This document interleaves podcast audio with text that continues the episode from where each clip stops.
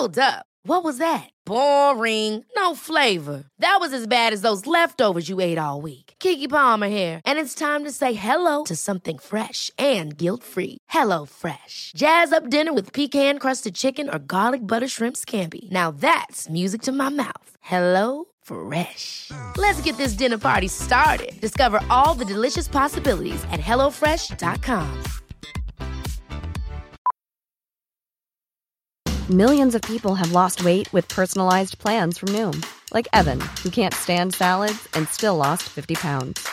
Salads, generally, for most people, are the easy button, right? For me, that wasn't an option. I never really was a salad guy. That's just not who I am. But Noom worked for me. Get your personalized plan today at Noom.com. Real Noom user compensated to provide their story. In four weeks, the typical Noom user can expect to lose one to two pounds per week. Individual results may vary.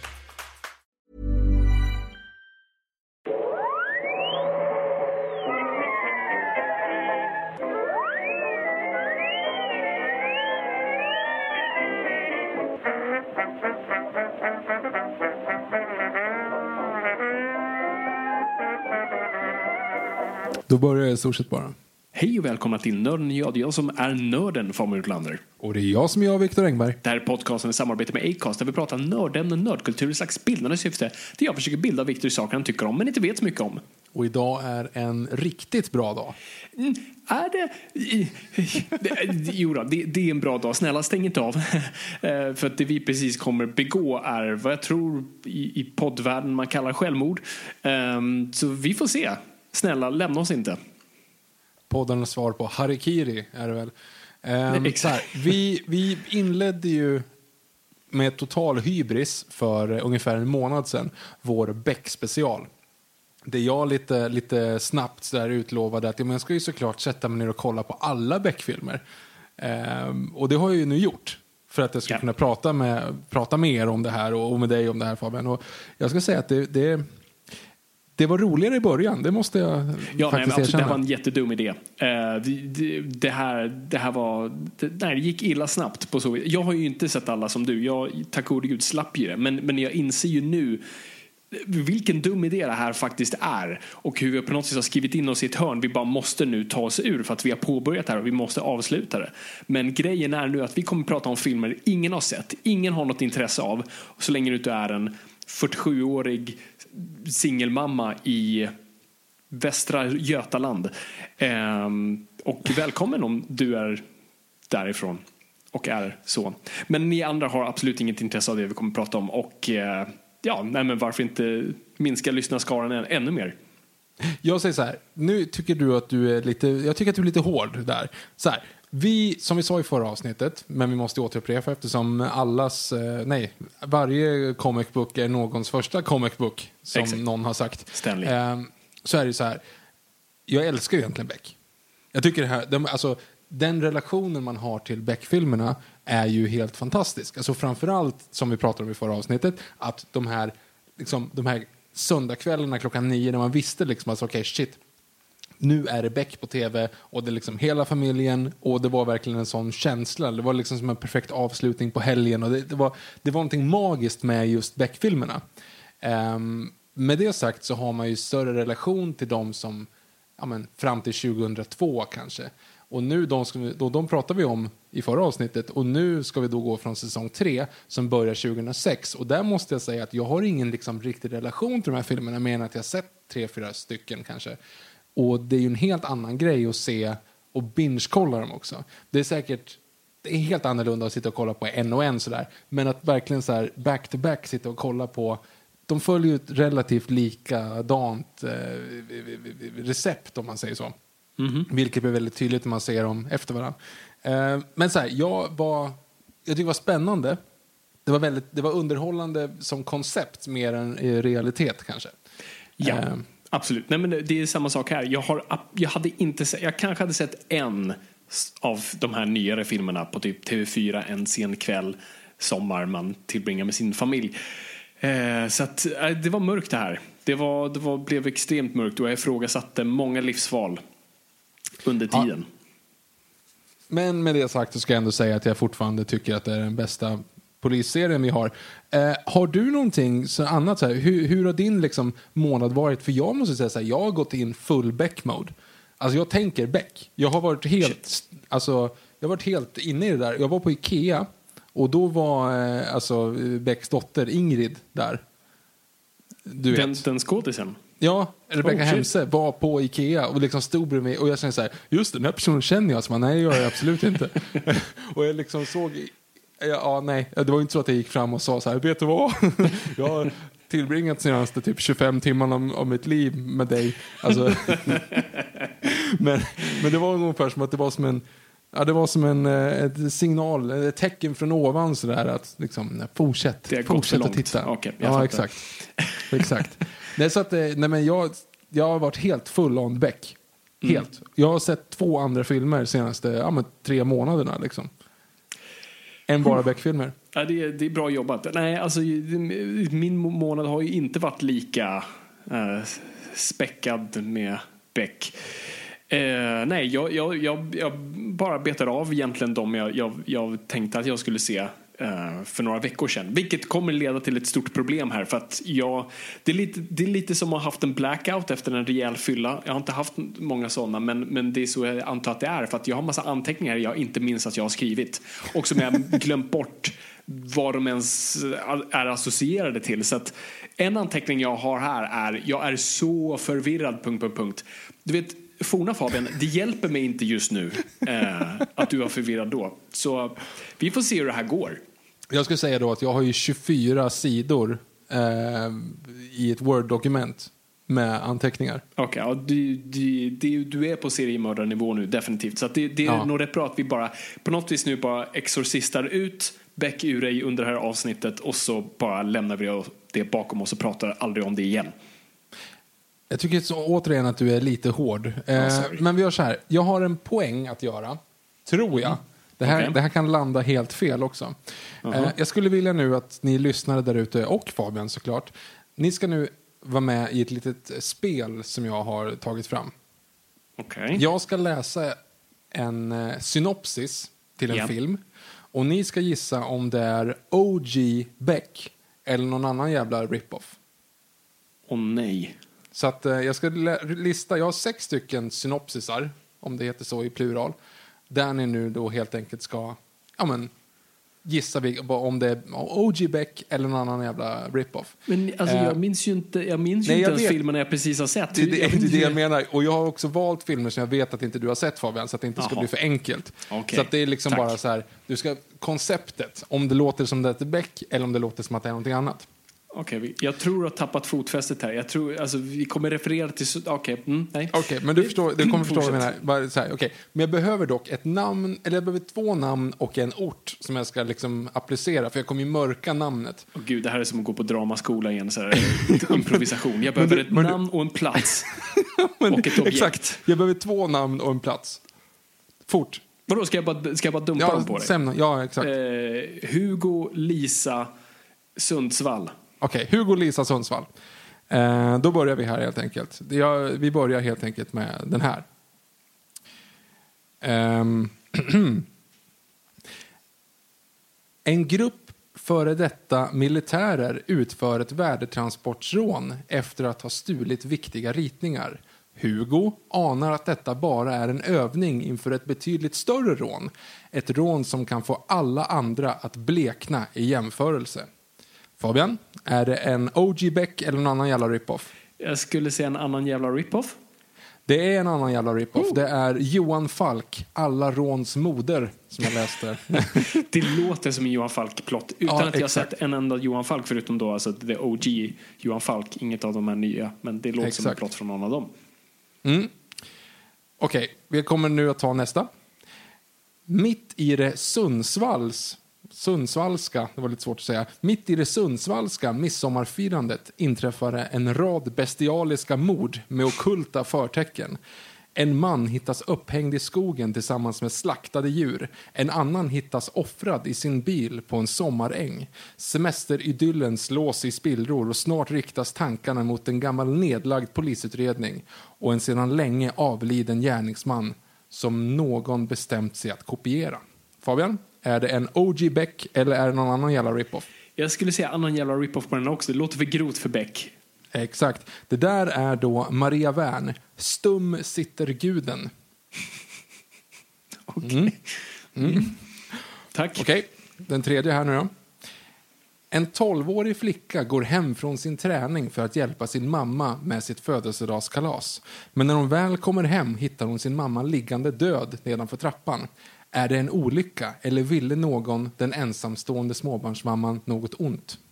Är det en OG Beck eller är det någon annan jävla rip-off? Jag skulle säga OG Beck på det här. Det är en OG Beck. Det Kommer inte ihåg eh, det här dock. Det bara Beck utan Beck-låt. uppsåt. Ja, men du har inte sett den här. Jag vet ju att du inte har sett den. Det är, därför. det är Beck utan uppsåt. Eh, jag skulle också, vi fortsätter här då. Hur många har du på den här, Viktor? Sex stycken, det är tre till. Okej. Eh, tre brutala mord inträffar i en villa i en stillsam förort. Offren är en före detta polis, hans fru och son. Hugo-gruppen tar sig an fallet och upptäcker att det finns ett dolt säkerhetsrum i offrets rum som bland annat innehåller stulna vapen. Är det en OG Beck eller någon annan jävla rip-off? Det låter lite som en mix mellan olika Beck-filmer där. Så jag skulle säga OG Beck. Det är också en OG Beck. Det är alltså eh, Beck vägs ände. Och så tar vi två till här nu. För det lät som en mix mellan Mannen på taket och den där eh, väldigt toleranta filmen mot homosexuella. ja, med Money Man. Ja, äh, var det man? Jo, jo det var Jo, fan det är man det. med. Mm. På Bräda musteri hålls en affärsmiddag för att lansera musteriets nya produkter. Då företagets vd, ja, Manfred Stjärne, han är ju inte en, en recurring character så att jag kan säga det namnet. um, då företagets vd Manfred Stjärne blir mördad. Vill någon konkurrent förstöra Brädas rykte eller var motiven till mordet personliga? Hugo inser snart att pengar är inblandade och att någon eller några inte drar sig för ytterligare mord för att nå sina mål vad det gäller. Ska vi säga en OG Beck på den också? Det är faktiskt inte sant. Jag, nu, nu uteslöt jag lite grann för att den här eh, mördaren fortsätter sen och eh, den drar sig inte för ytterligare mord för att nå, för att nå sina mål vad det gäller. Eh, mordvågen fortsätter och kanske, här, och kanske härjar en metodisk seriemördare i Ystad skulle jag fortsätta här. Och, det, och polisen dras in i en härva av hjärntvätt, otrohet, hatiska före detta anställda och en härva som kommer att påverka Wallander personligen på ett sätt han aldrig någonsin kunde föreställa sig. Det är ju en Wallander det här. Ehm, och sen den sista då. då. Det, så det, det var ju en Wallander. Och sen då, en rysk konsertcellist utsätts för ett mordförsök genom en bilbomb. Och Hugo och hans team börjar undersöka fallet. Det visar sig att kvinnan var huvudvittne i ett mordåtal mot en medlem i ryska maffian. Hugo inser att han har att göra med en skoningslös motståndare som är beredd att gå hur långt som helst för att nå sina mål. Det här, alltså, Beck-franchisen gillar ju sprängda bilar. Eh, Och så här, ryska maffian känns tillräckligt diffust för att de inte behöver göra riktig research. Så att jag säger att det är en OG Beck. Ja, det är faktiskt eh, Wallander, cellisten. Ehm, eh, vilket var kul. Men okej, så min poäng var sådär för att jag inte läste igenom hela. Men jag tycker ändå på något sätt att när jag, jag kollat lite, jag kollade, skummade lite Wallander och jag har ju sett någon Så du har gjort det Martinsson. parallellt Ja, medan du kollar Beck? Ja, men för att jag hade en poäng. ja, men jag hade en poäng. Och jag tror så här, Beck, du märker vilka som är Beck. Och det var min poäng. Du gjorde ju det åtminstone till en början. Ja. För att Wallander och de här, de måste bräcka Beck. För Ja, Beck, är OG. Mm. Så att på något sätt så måste de alltid säga, det är alltid seriemördare. Det är Mm. alltid någon sån här, alltså, det, det är stora ryska maffiabossar och det är den här... Mastermind. Kur- Mastermind är ju praktexemplet. När filmen Kuriren, samma sak. Och är också så här, det är helt uppenbart att så här, nej, det finns inte den här typen av serbiska maffia i Ystad. Alltså lägg av. alltså, och, och hon, Rebecca Martinsson åker upp och liksom så här bestialiska mord i, i eh, Kiruna. Och, alltså det är så här, de måste alltid bräcka Beck på något sätt. Ja, just det. Morden i Sandhamn, allting centreras kring en specifik ort och det är det som är USPen. Just Beck det. är liksom så här, ja men fuck it, vi är, det, är bara, det är ett mord bara. Ja, precis. Alltså, och det tycker jag är, det är någonting som känns citationstecken verkligt i det. Och på något sätt känns det som att det här hade kunnat hända. Det är liksom så här, de, är semi, de skulle kunna vara semi-baserade på sanna grejer. Du skulle ju aldrig tro att Wallander är det. Nej. Och jag kan inte ens komma, alltså nu har jag inte sett skitmånga Wallander, men om du tänker på den här, den, den kända är ju Mastermind och sen har du Innan Frosten och sen så har du ju den här Hemligheten när Ola Rapace är med.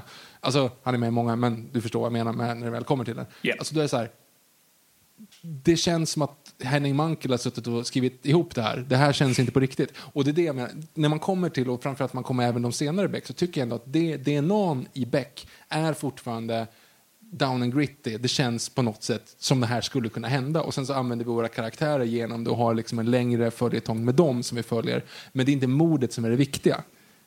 Nej, nej men det, det är faktiskt eh, väldigt sant. Det, det finns väl några avstickare skulle jag väl ändå säga som ändå har. Har vi det? Alltså, jag, alltså än en gång, jag minns ingenting.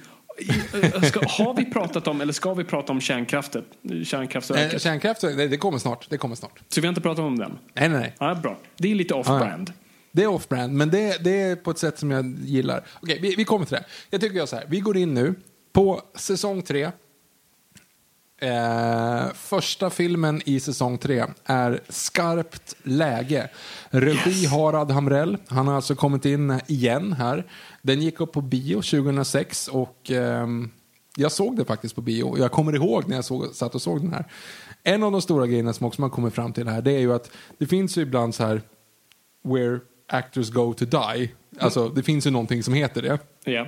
Eh, Beck är tvärtom. Det är where actors go to revive themselves.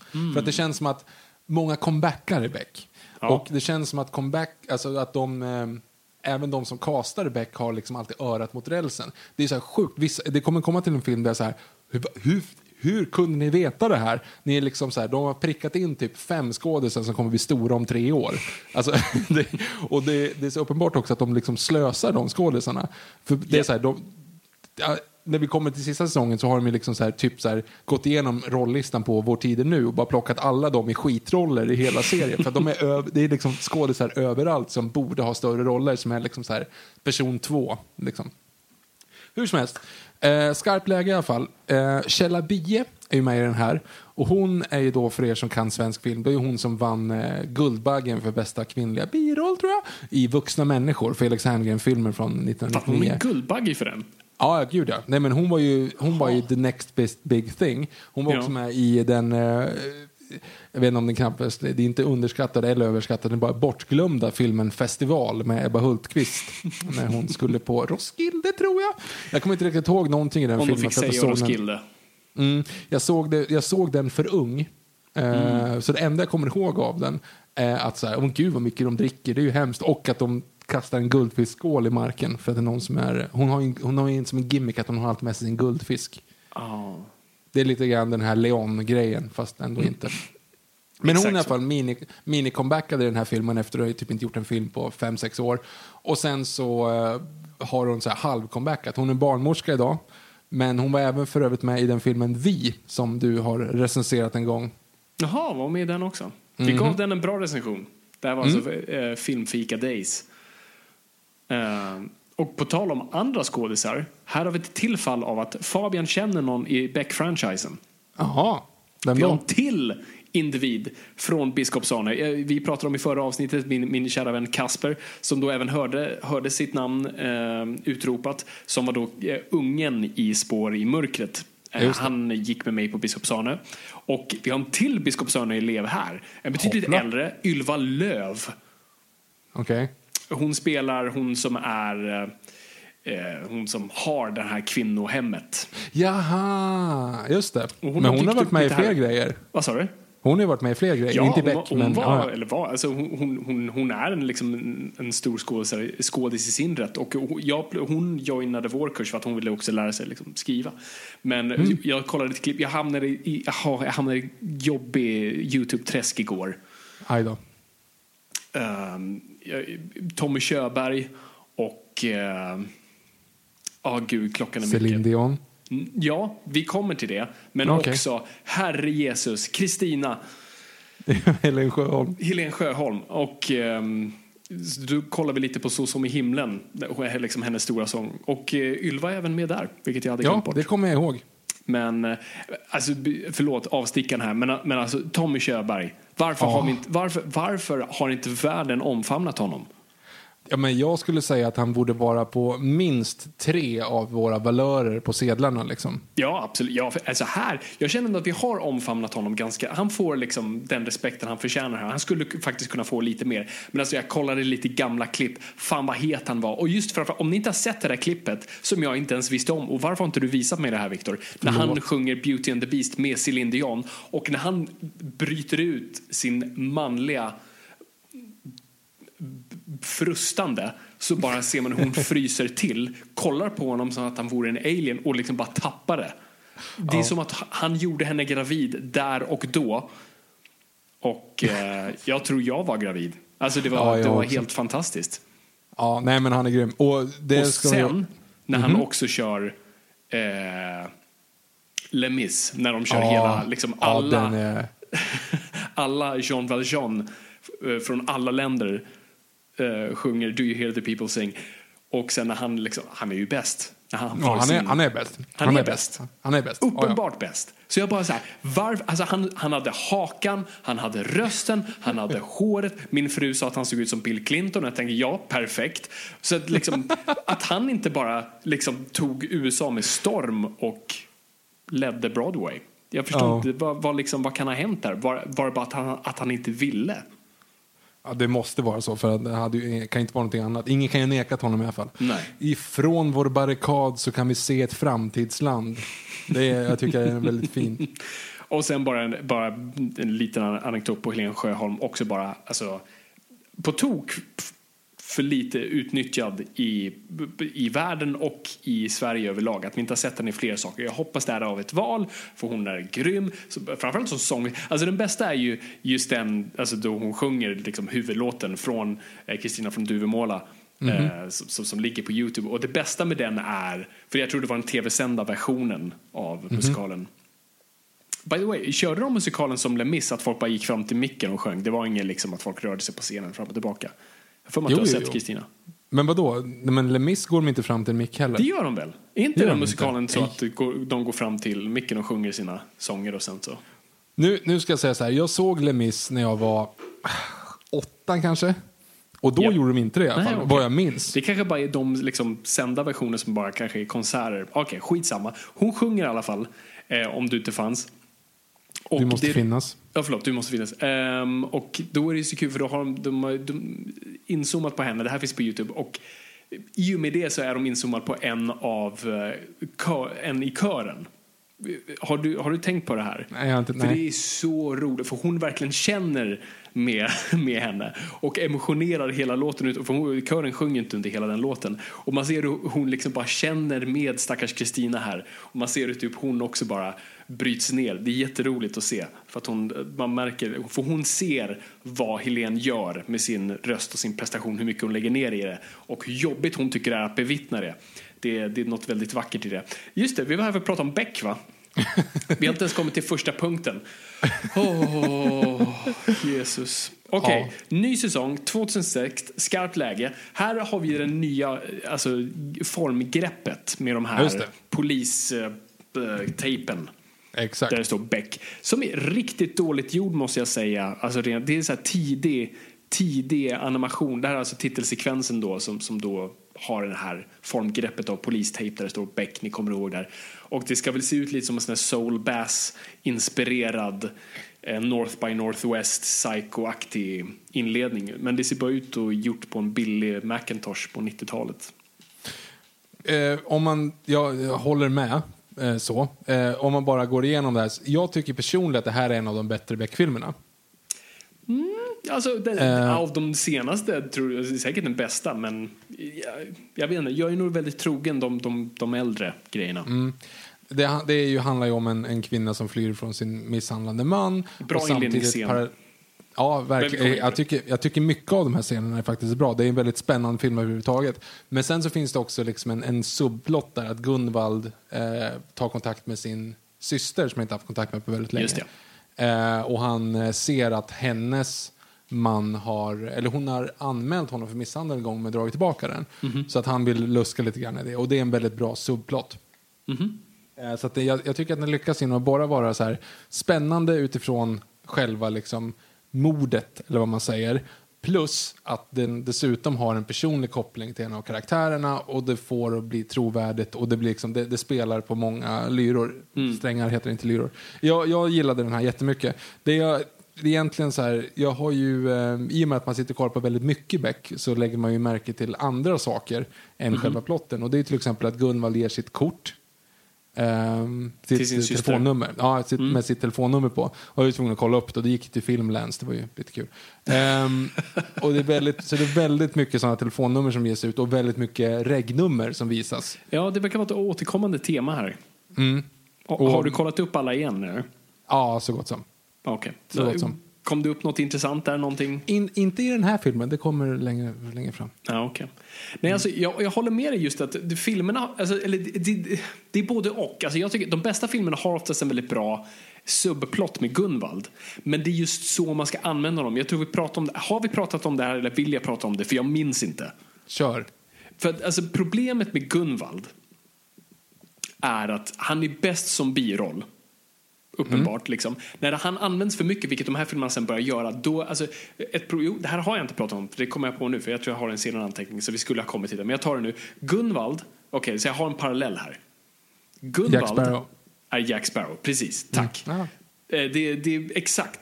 Det ser vi. Great minds think alike. Alltså det, Jack Sparrow, jag, jag vet inte om det var så i manuset eller om det bara liksom hur det blev. Alltså, om, eh, fast om du faktiskt kollar på liksom hur den är strukturerad så är Jack Sparrow inte huvudrollen i den filmen. Han bara tar Nej. sig an det. Egentligen ska han vara karaktären. Han är egentligen C3PO-karaktären. Vi ska se filmen i, via hans ögon. Och de egentligen huvudkaraktärerna är ju Will Turner och Elizabeth Swan. Tack. Eh, som Mark Kermode eh, säger i en recension att, att de, de, deras skådespelare är så träigt så att det är som att kolla på två IKEA-möbler som parar sig. Det är jättebra. Fantastisk. Ehm, Så det liksom, och, det, och filmerna ballar ju ur ännu mer sen när, just för att det var ju hela liksom Jack Sparrow-prestationen som gjorde filmerna. Johnny Depp gjorde absolut de filmerna. Och eh, han tog ju bara större och större del i de senare filmerna. Och då gick det ut för ganska snabbt. Och det är lite samma problem vi har här. Gunvald är perfekt i biroll. Som bara kommer in, har en liten minisubplott och sen går ut. Um, problemet med de här filmerna, här i första filmen balanserar de det bra men i, typ, tills han sen då försvinner, vilket vi kommer till, så, så bara får han en större och större roll och det, då blir det inte bra. Jo, men han är väl den som har de roliga Jo, catchphraserna exakt. och, och, och sina liksom så här blickar så där. Så att när de lägger ner serien så känner man att ah, okej, vad gör vi? Han får flytta till Hollywood och bli en stor skådis. Mm. Och så får vi följa han med hans nya vänner. eh, och så blir det som det blir. Precis. Men, eh, nej, men alltså, den Joey för här filmen är ju liksom, det, det, är en- det är en kul, det, den har några bra scener, det har en bra inledningsscen där som är väldigt spännande när, när frun ska fly sin eh, misshandlare. Du har typ en plot twist i den här filmen. Mhm. Som är, för, nu kommer jag ihåg varför jag skrev jag är så förvirrad. För det var för att ja, ingen har sett den här filmen. Jag vet inte vad jag pratar varför Jo, men den här har nog folk sett. Den här var liksom ganska storsatsande då när den kom. Yes, för att vi, vi tror att det är en person som är hennes man och sen visar det sig att det inte är det för mannen hittas Exakt. mördad och då blir man jätteförvirrad och jag var superförvirrad. Och sen får man reda på att aha, så det var inte hennes man egentligen. Det var typ Okej. hennes nya kille som visar sig vara polis på polisstationen där Beck jobbar som är med på utredningen. Exakt. Nu spoilade du ganska mycket där, men det, det, Vem det är ska se den här och vem, vem ser Beck, för sig, det är egentligen en anledning varför du ser Beck-filmerna för att kunna liksom, så här, vem är mördaren? Sorry. Ja, Eh, faktiskt. Det är var lite det de går ut på. Ja, Men du har lite liksom mannen på taket-vibbar i den här. ja verkligen. Du har ju bokstavligt talat en man på taket som jagas. Exakt. Exakt. Men eh, ja, nej men annars har jag liksom ingenting mer att, att, att säga om den. Eh, jag har Ingmarie Karlsson jobbar nu på station. Fru Igell. Vad fan? Var jag full? Vem är Ingmarie Karlsson? Jag vet inte. Det är inte så konstigt att jag har den. Jag är så förvirrad som man tänkte strax efter den. Så eh, nej, vi får låta det vara os- osagt. Ja, jag, jag är lite förvirrad måste jag säga. Men, eller Ingmar, är det inte hon, är inte en av karaktärerna bara som du har glömt bort? Jo.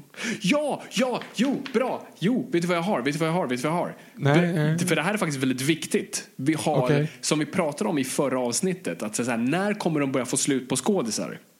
Ja, ja, alltså, ja, just det. Men det är ju Reine och Mimmi i fjällen, Ingmarie. Precis. Ja, just det. Ja, men nu Ing-Marie. Karlsson, alltså skådespelerskan som var då, jaha, alltså frun, och så ska jag ha skrivit Kjell här. Kjell Bergqvist. Men det blev Igel här. Men det var för att jag hade lite plats jag skrev för hand här. Så fru till Kjell. Så att hon var alltså, herregud.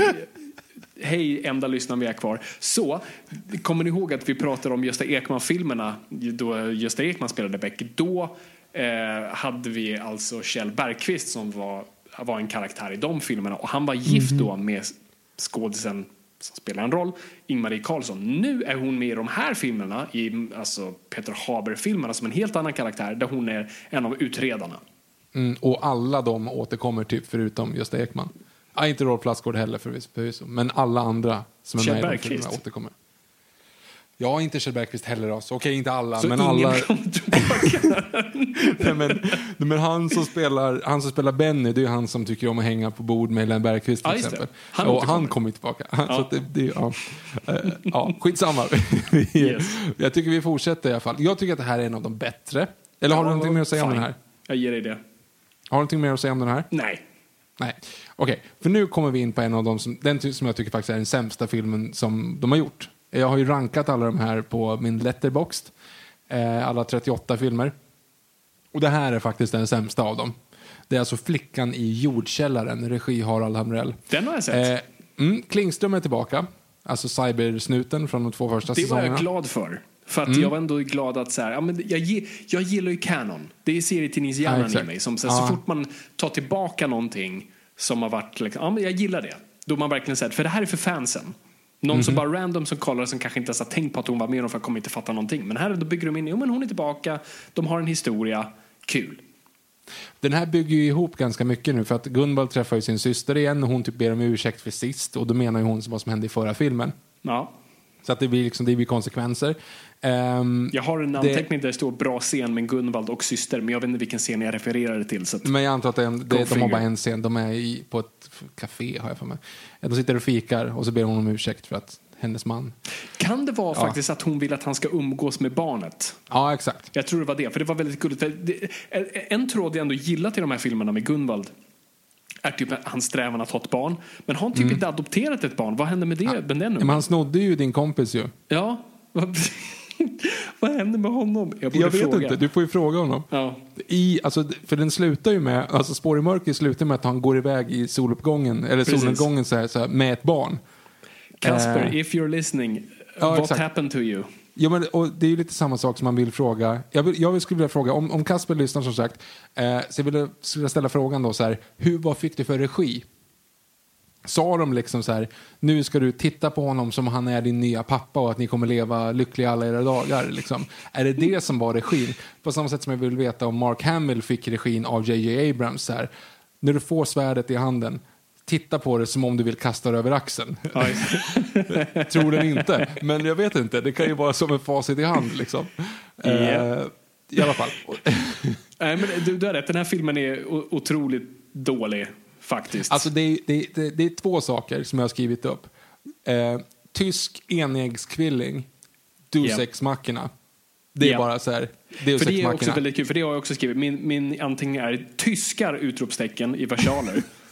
och sen tittar på nyheterna om Sverige. Så det, det är alltså en flicka som dör, eh, ett barn som dör i en jordkällare och liksom så typ bevaras där. Eh, och jada, jada, jada, saker händer. Och sen ser några tyskar på nyheterna i Tyskland som rapporterar om ett svenskt mord. Hur ofta händer det? Nej, men Beck-filmer är stora i Tyskland. Så jag, Ja, antar det att de... jag förstår ju det. Nej, men, så jag antar att ja, men Beck är med, så att han rapporterar väl. Det. Åh, herregud. Nej, det, det var en Ja. dålig... En, en kul grej, Björn Gustafsson är med i den här. Ja, det är han. I, eh, Eh. i den klassiska killen i parken som hittar liket. Ja, exakt. Eh, Det, det är inte någon med hund dock. Ehm, Med tjej. Eh, Ja, exakt. Eh, Jag har ju skrivit ner hur många gånger som liket hittas om någon med hund. Det, det var förvånansvärt många i de två första säsongerna och förvånansvärt inga i de senare. Men, men, jag men Deus Ex Machina där att det finns en tysk enäggstvilling som har exakt samma frisyr och ser exakt likadan ut. Japp. Och man bara så här, ja men kom igen. Men det finns också en annan inteckning att eh, han som eh, För den här liket hittas på liksom en mark som ägs av en greve. Åh. Och den greven har ju en... För övrigt är greven spelas av han som spelar Gösta Ekmans man i Skenbart. Väldigt bra skådis, jag kommer inte ihåg vad han heter just Jaha. nu. Han ser ut som en greve verkligen. Ja, i sin gud, ja. framtoning. Eh, men jag måste bara säga då att eh, han har ju då en, en son som ska framstå som förståndshandikappad, antar jag, som heter Nils. Eh, som spelas av Thomas Köhler som för övrigt också är Plague i Män som hatar kvinnor eh, några år senare. Okej. Ehm, ja, skitsamma. Men i alla fall, han följde inte Robert Downey Jrs tips. Eh, yes. He went Alltså- full. Ja. Ja, det är helt bananas. Så här. Och jag menar, Harald Hamrell, han har regisserat ganska många av de här filmerna som jag tycker i, i bästa fall liksom, ofta till och med är bra. Men det här är liksom, alltså, men kom igen. Det är liksom verkligen så här, du kan ju, show don't tell finns inte. Alltså det är verkligen, det är, det, det, det, är, det är hemskt faktiskt. Ja, det på är, alla det sätt är och vis. väldigt illa. Eh, helt klart. He went full. Ehm, en bra grej den här filmen har. Jag gillar ju också, lite som också i en sån Bond-aspekt, jag gillar när man refererar till hans förflutna utan man exakt får veta vad. Och här får vi ju en liten hint om, eh, eller jo precis. Är det här? Kan du inte läsa dina anteckningar? Nej, eller? vänta, för det kommer i en annan film. Men det, är det, det som jag tycker är kul är att Gunvar har ett förakt för överklassen. Och det ja, kommer, exakt. de refererade till en annan film, vi kommer till det. Men så där ser man också lite, för, som Viktor förklarade, ni som eh, lyssnade på förra avsnittet. Ehm, I böckerna så har ju Gunvald en överklassbakgrund som han på något sätt har vänt ryggen om. Exakt. eh, och har ett slags förakt till. Och eh, det ser vi lite hint av här, vilket jag gillar. Så det är Mm. eloge till filmen för det. Det var typ det enda positiva jag har. Ehm, Beck snackar tyska på riktigt. ja. Det har jag också skrivit. Han, på riktigt med utropstecken. Mm. Eh, så jag vet. Men när, ja, just det, för det är nu han åker till Tyskland i fem minuter, pratar med en polis Exakt. och sen åker hem. Exakt. Det. Och den polisen då, då, ska vi bara säga, det är ju en, eh, alltså, jag, nu kommer inte jag ihåg vad han heter bara därför, men det finns i alla fall en, en tysk man som spelar en tysk kommissarie som heter, ja men, Tysk Tysksson. Och Tysk Tysksson är en karaktär i en egen tysk polis, polisserie. Så att det är som att det är ett stort universum. jag kommer inte, bättre effekt. Vi kan podda utan Google, jag kommer inte ihåg vad han heter. Han heter säkert Dieter. Eh, jag tror att han heter. Dieter. Ja, exakt. Schweinfrei. Eh, Nej men, Nej men han i alla fall, det är som att det är som en stor, eh, alltså ett stort universum. Shit, det är en crossover. Ja, men, ja, men de tyska polisserien existerar i samma universum som Beck polisserien. Wow. Undrar om Ja. Beck var med i, den, i deras serie någon Jag gång. försökte kolla men jag hittade inte det. Men han i alla fall, han kommer, han kommer tillbaka i en framtida film också. Han är med i två filmer Jaha. den här Ja, säsongen. den jag inte och då är det liksom en tysk crossover. Så det är ungefär som att vi skulle sitta och kolla på en tysk kriminalserie och där kommer Martin Beck in. Som så här, hjälp. Av någon jävla anledning så åker han dit i alla fall och det är ju för den här tyska Du- Deus Ex Machina eh, tvilling. Ja. Onda syrran med ögonlapp. Ett, det roligaste som händer i den här filmen är dock skämtet. En rysk, en amerikan och en svensk träffar Jesus. Jesus säger, jag kan hjälpa er med vad som helst, vill ni ha hjälp med? Ryssen säger, ah, jag har en sån migrän. Och så vips så var han botad. Och amerikanen sa så här, ah, jag har så ont i ryggen. Och vips så var han botad. Och svensken sa bara, nej för fan, rör mig inte, jag är sjukskriven. Den är faktiskt väldigt bra. Det är grannen som drar den, Ja. eh, vilket är väldigt typiskt grannen. By the way, glömde nämna att grannen flyttade in hos Beck i förra filmen, vilket var en rolig twist också. Eh, Men de har ju en liten bromance där som jag tycker är väldigt Ja, söt. men den är väldigt söt och han är väldigt bra i den här filmen. En, en till eloge jag ska ge den här filmen som är eh, för övrigt rätt värdelös. Men som är, den lyser upp ändå aspekter som jag hade tänkt på tidigare. För en, en sak jag funderar på i och med de här filmerna är lite vad som gör Martin Beck så speciell. För att liksom så här, vi, vi älskar de här filmerna, det, det är som du säger, det är the OG, alla andra bara försöker förhålla sig till, alla jämför sig med Beck-filmerna. Och det är så här, men vad fan är det med Beck egentligen? Så, som manusförfattare försöker jag bara lista ut liksom, eftersom jag har hemliga eh, garderobsdrömmar om att så här, åh Fabian kan du inte komma och skriva Beck-filmen för oss? Vi behöver dig. Ja, jag kommer. Ehm, Eh, så, eh, Kjell Sundvall, if you're listening. precis. I, I, I'm, I'm, I'm available. Um, nej men, jag har bara suttit och funderat på så här, men vad, vad är det med Beck som är så intressant och varför vad får honom att sticka ut? Och särskilt Gunvald är ju en väldigt extrem karaktär så honom kan vi pinpointa ganska snabbt. Men en, en sak som ändå slog mig i och med den här filmen han har liksom en superkraft som är väldigt anti liksom, tv och filmdetektiver och det är hans medmänsklighet. Och det är just för att han inte är hårdkokt, han är inte superskadad, absolut han har trauman och sånt där, men, men han bär inte det på sin yta utan det är som att han hela tiden bara liksom, han bär ett kors av sorg. Och men det är bara det han har inom sig och det han bara exponerar är alltid någon slags medmänsklighet och alltid försöka förstå de andra. Och det är därför det funkar så bra med Gunvald och det förstärker Gunvald för han är en sån extrem hårdkokt karaktär och då har den mjuka, runda eh, Martin Beck. Så det var bara så här, jag tror jag bara så här löste den grejen. Det kanske var självklart för andra, men jag, gillade den aspekten. Alltså, ah, det är det som är hans superkraft, det är hans medmänsklighet. Och det är väldigt få kommissarier som har det. Alltså Wallander är ju verkligen grejen på att han, är typ alkoholiserad och förstörd. Vilket typ, Han får också slå också huvudet och få en minnesförlust det också. en gång. Det är kul. Jättejobbigt. Ehm, så det är bara en så här, ja just det, det är typ ingen annan som är så. För alla andra är typ superhårdkokta och jätteförstörda. Han är inte det, vilket jag gillar. Yes. Nä, nästa film som jag har sett, så du får fylla i här emellan är Advokaten. Så vad har vi, vad har vi Nej, däremellan? men då sticker vi in Gamen här emellan, eh, gjord av Kjell Sundvall. Det var ju två personer som dog i förra filmen. Det här är faktiskt någonting så pass unikt som att ingen dör i den här filmen. Oj, så vad ens Ehm. löser de för något då? Nej, men en före detta idrottsminister står och delar ut två miljarder till idrotten på Idrottsgalan. Och där eh, så är det två fel, ska jag säga. I och med att Idrottsgalan är direktsänd och huvudsponsorn är eh, Swedbank, så är det, framförallt under den perioden, så var det väldigt konstigt att de står och ser reprisen och delar ut en Handelsbanken-check. Det skulle jag kunna prata om, men det gör jag inte. Eh, han sitter då och säger så här, när han, delar, han ser sig själv sitta liksom stå på scen och dela ut den här. Och då säger han så här, ja jävla cyniskt sätt att dölja om vad det egentligen handlar om. Spelandet. Och det är en känga till Svenska Spel. För att Svenska Spel delar ut pengar till svensk idrott, men egentligen så, då, så pratar de om att till och med idrottsministern tycker att det där bara är någonting man slätar över. Ehm, Ja. Filmen är ju från 2006 och den belyser ju då att de ger ju en jättekänga till Socialdemokraterna. För att Socialdemokraterna baserar ju en stor del av sina intäkter på eh, A-lotteriet. Alltså Ja. de här olika lotterna som de säljer. Och den här, är, som sagt, filmen är från 2006, men jag vet inte om du kommer ihåg det här. Det var inte så länge sedan, jag tror det är något år sedan, Mattias Karlsson på Dagens Nyheter. Han gjorde ju en eh, undersökning om det här, eller en granskning. Där de visade sig att 8000 personer har mellan 2014 och 2017 hamnat hos Kronofogden på grund av lotter de köpt på kredit av A-lotteriet. Och det är ju det som är hela grejen, att SSU har typ 90 procent av SSUs intäkter kommer från lottoförsäljning och sådana saker. Och det belyser ju de här, alltså det blir ju en jättenyhet 2017 då, när det måste det vara för att det var ju undersökningen var 2017. Ja. Men det här är ju ändå liksom 11 år tidigare. Coolt. Det tycker jag är intressant. Och, och det är och liksom här igen- klassiskt, alltså det är ändå ganska klassiskt Beck som, eh, som du ändå berättar från böckerna som är lite mer political och kritisk. Och. Exakt, och det, det är lite det jag tänkte komma till. I, hela, i, I de flesta av de här faktiskt så finns det någonting att säga.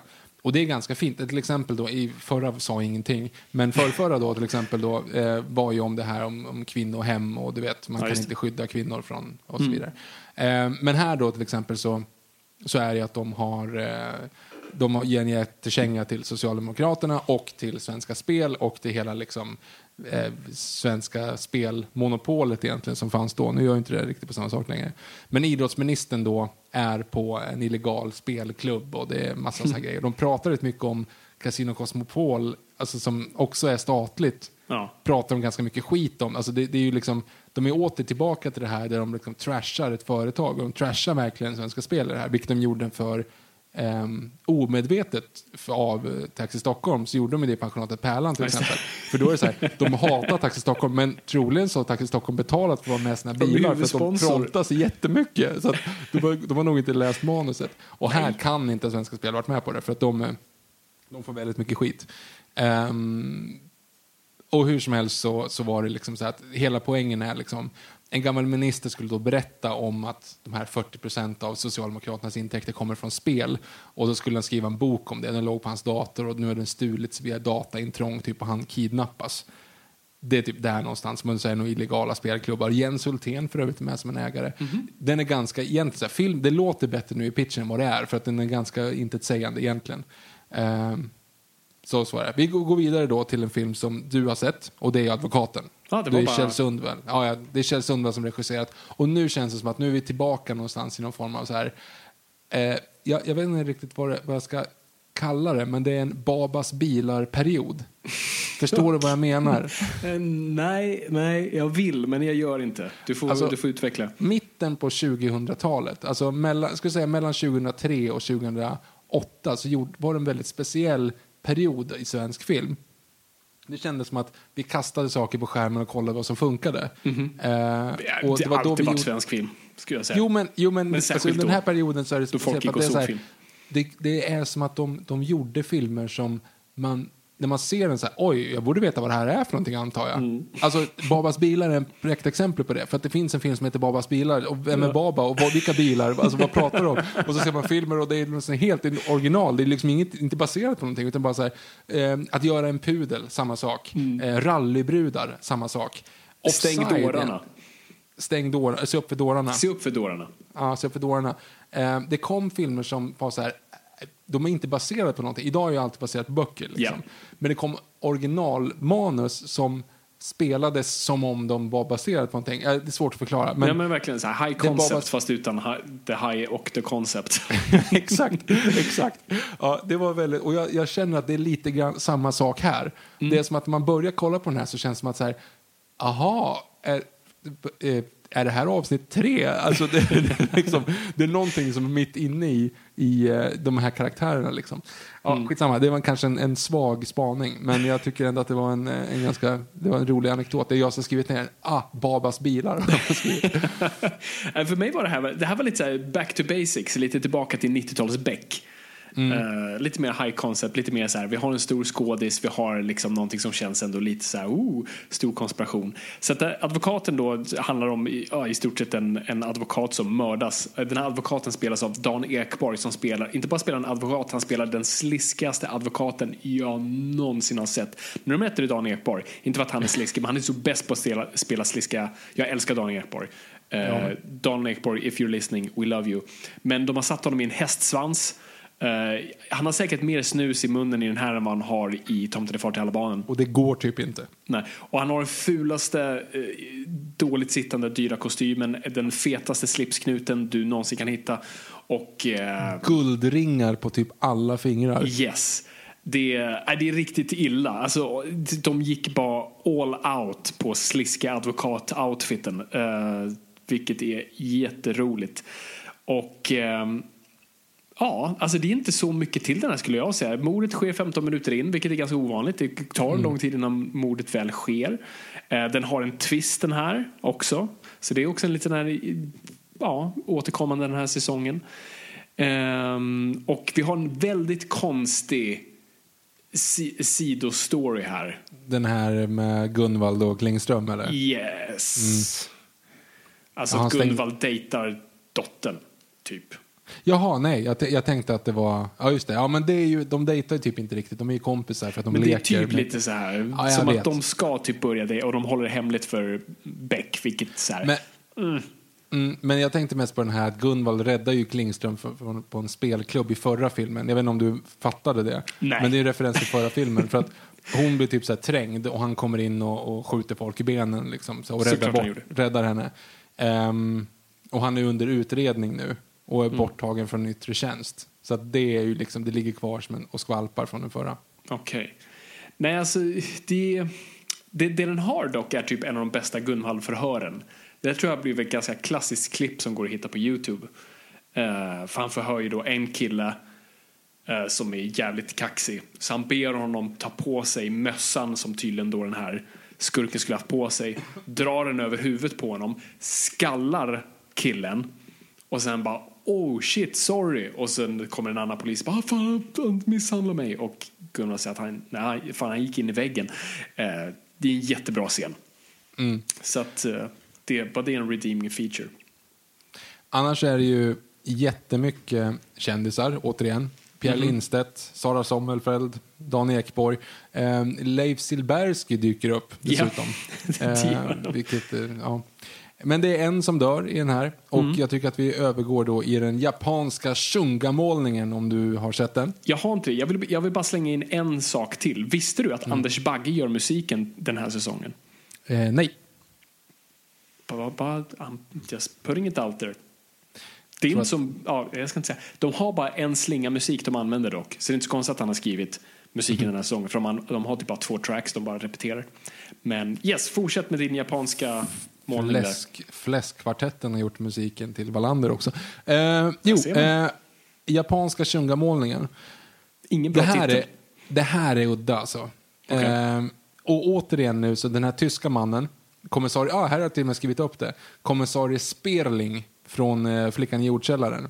Han kommer till Sverige. Oh.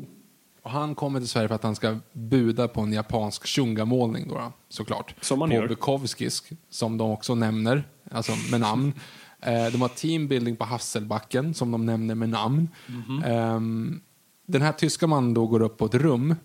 Ehm, och sen så går in, han går inte in och så, så ser, hittar han att det, det, det har hänt någonting där. Typ. Så han misstänker någonting, så han ringer Beck för att de är kompisar.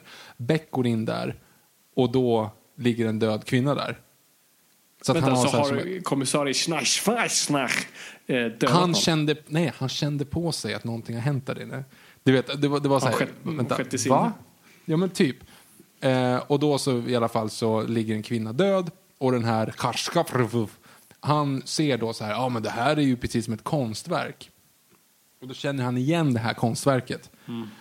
Så att man så här, och man ser de här konstverken och man ser hur hon ligger så här.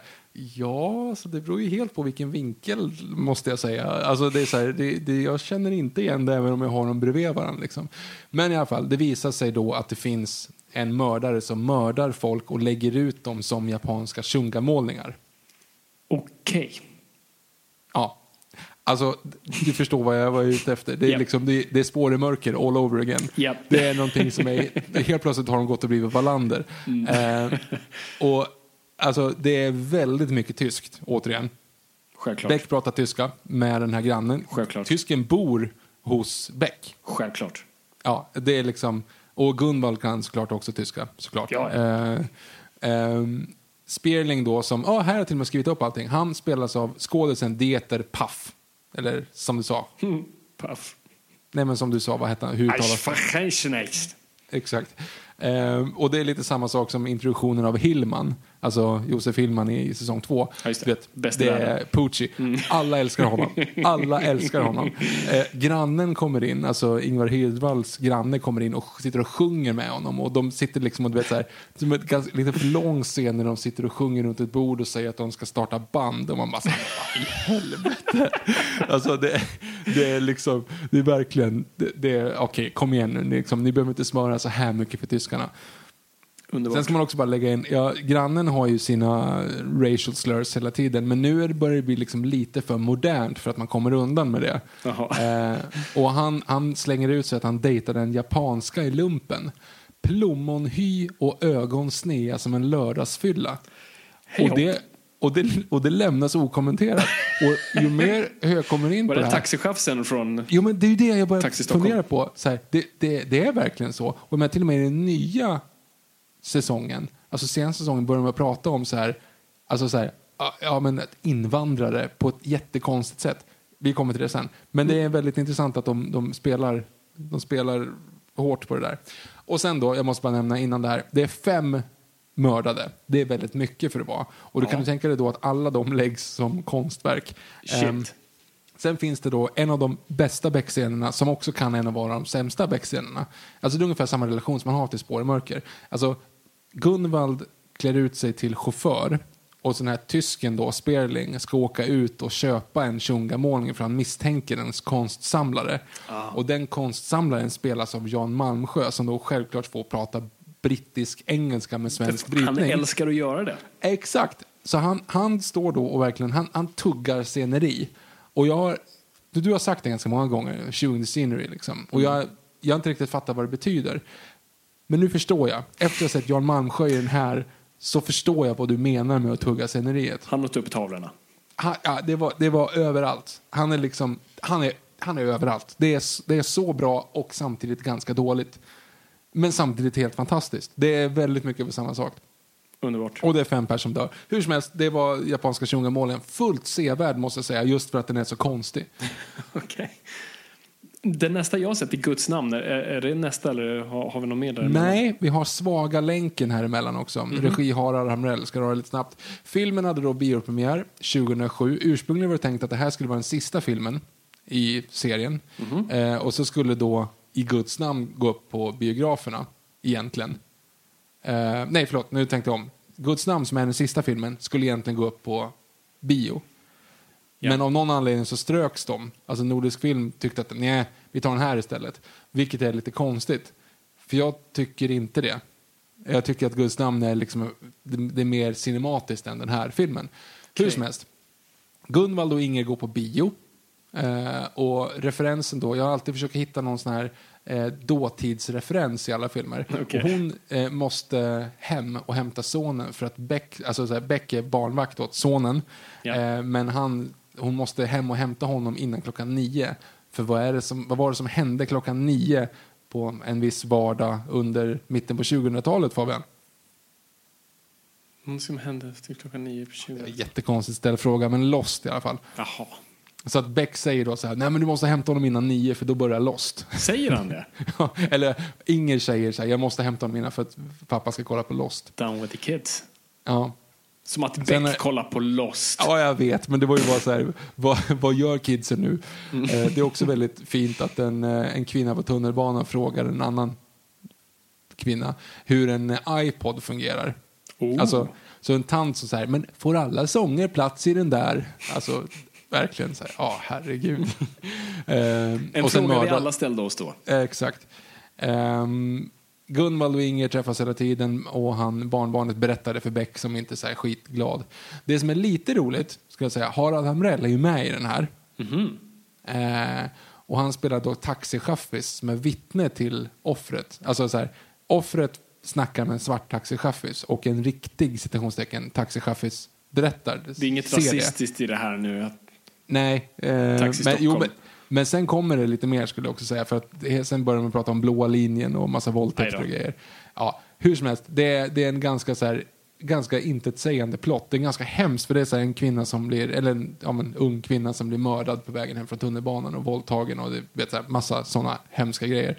Verkligen mycket så här, man följer väldigt mycket med familjen och hur de sörjer och det, det, liksom, det känns bara, helt plötsligt känns det när, när det har varit lite mer ja, men Shunga-målningen som var lite mer fantasy nästan så blev det väldigt down and gritted. Det blev lite så här ont i magen nästan. Ehm, men i alla fall, det var den här som gick på bio istället för nästa, vilket det borde vara. Eller den sista då, Guds namn som du har sett, som borde vara. Hur som helst, en till sån eh, historiegrej.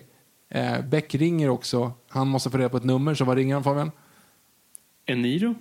118 118. Ja, såklart. Ja. 118, 118. Numret till nästan allt och alla. Jag tror inte de fick säga numret till allt och alla. För att. Jaha. Nej, makes sense. Makes sense. Mm. Ja. Eh, vi fortsätter här då med nästa film som heter Tysta skriet. Om har herregud, det var så många filmer. Den här skulle jag säga, det här är en, en väldigt intressant också. För det här, nu börjar vi prata samtidsexponering här nu. Det är alltså, den, den behandlar grooming. Oj. Alltså så här, vuxna män som, som pratar med unga kvinnor och utger sig för att vara typ så här, de, ska ni bli modeller? Och sen så, Ja, typ, ja. Och så fotar han dem massa och så hotar han att pressa ut dem och sådana saker.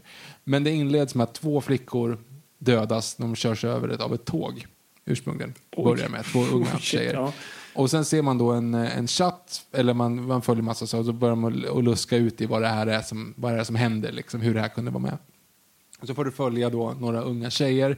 Det är väldigt mycket så här, det, det är väldigt, vad ska man säga, du får följa med in i vardagsrummet på personer du aldrig träffat förut. Alltså det är inte så att, de, inte så att polisen listar ut, utan du får bara se helt vad som händer hela tiden. Okej. Eh, vilket är en udda, ett udda grepp i en Beck-film, för oftast är det så här whodunit, men här bara vet man från början vad det är för någonting och allt vad som händer. Det är bara att man, när kommer de komma ikapp, typ. Ja, okej. Ehm, eh, två fina grejer är att Beck går omkring och har tandläkarskräck och han har jätteont i tanden men han vill inte gå Det låter som en bra Klassisk Beck-subplott. Exakt. Och sen då Oscar, den här eh, Måns Nathanielssons karaktär, han är ju med i den här, den här säsongen. Han går omkring och ska uh, eh, förhöra hemlösa, det gör han i hela filmen. Och det går jättedåligt.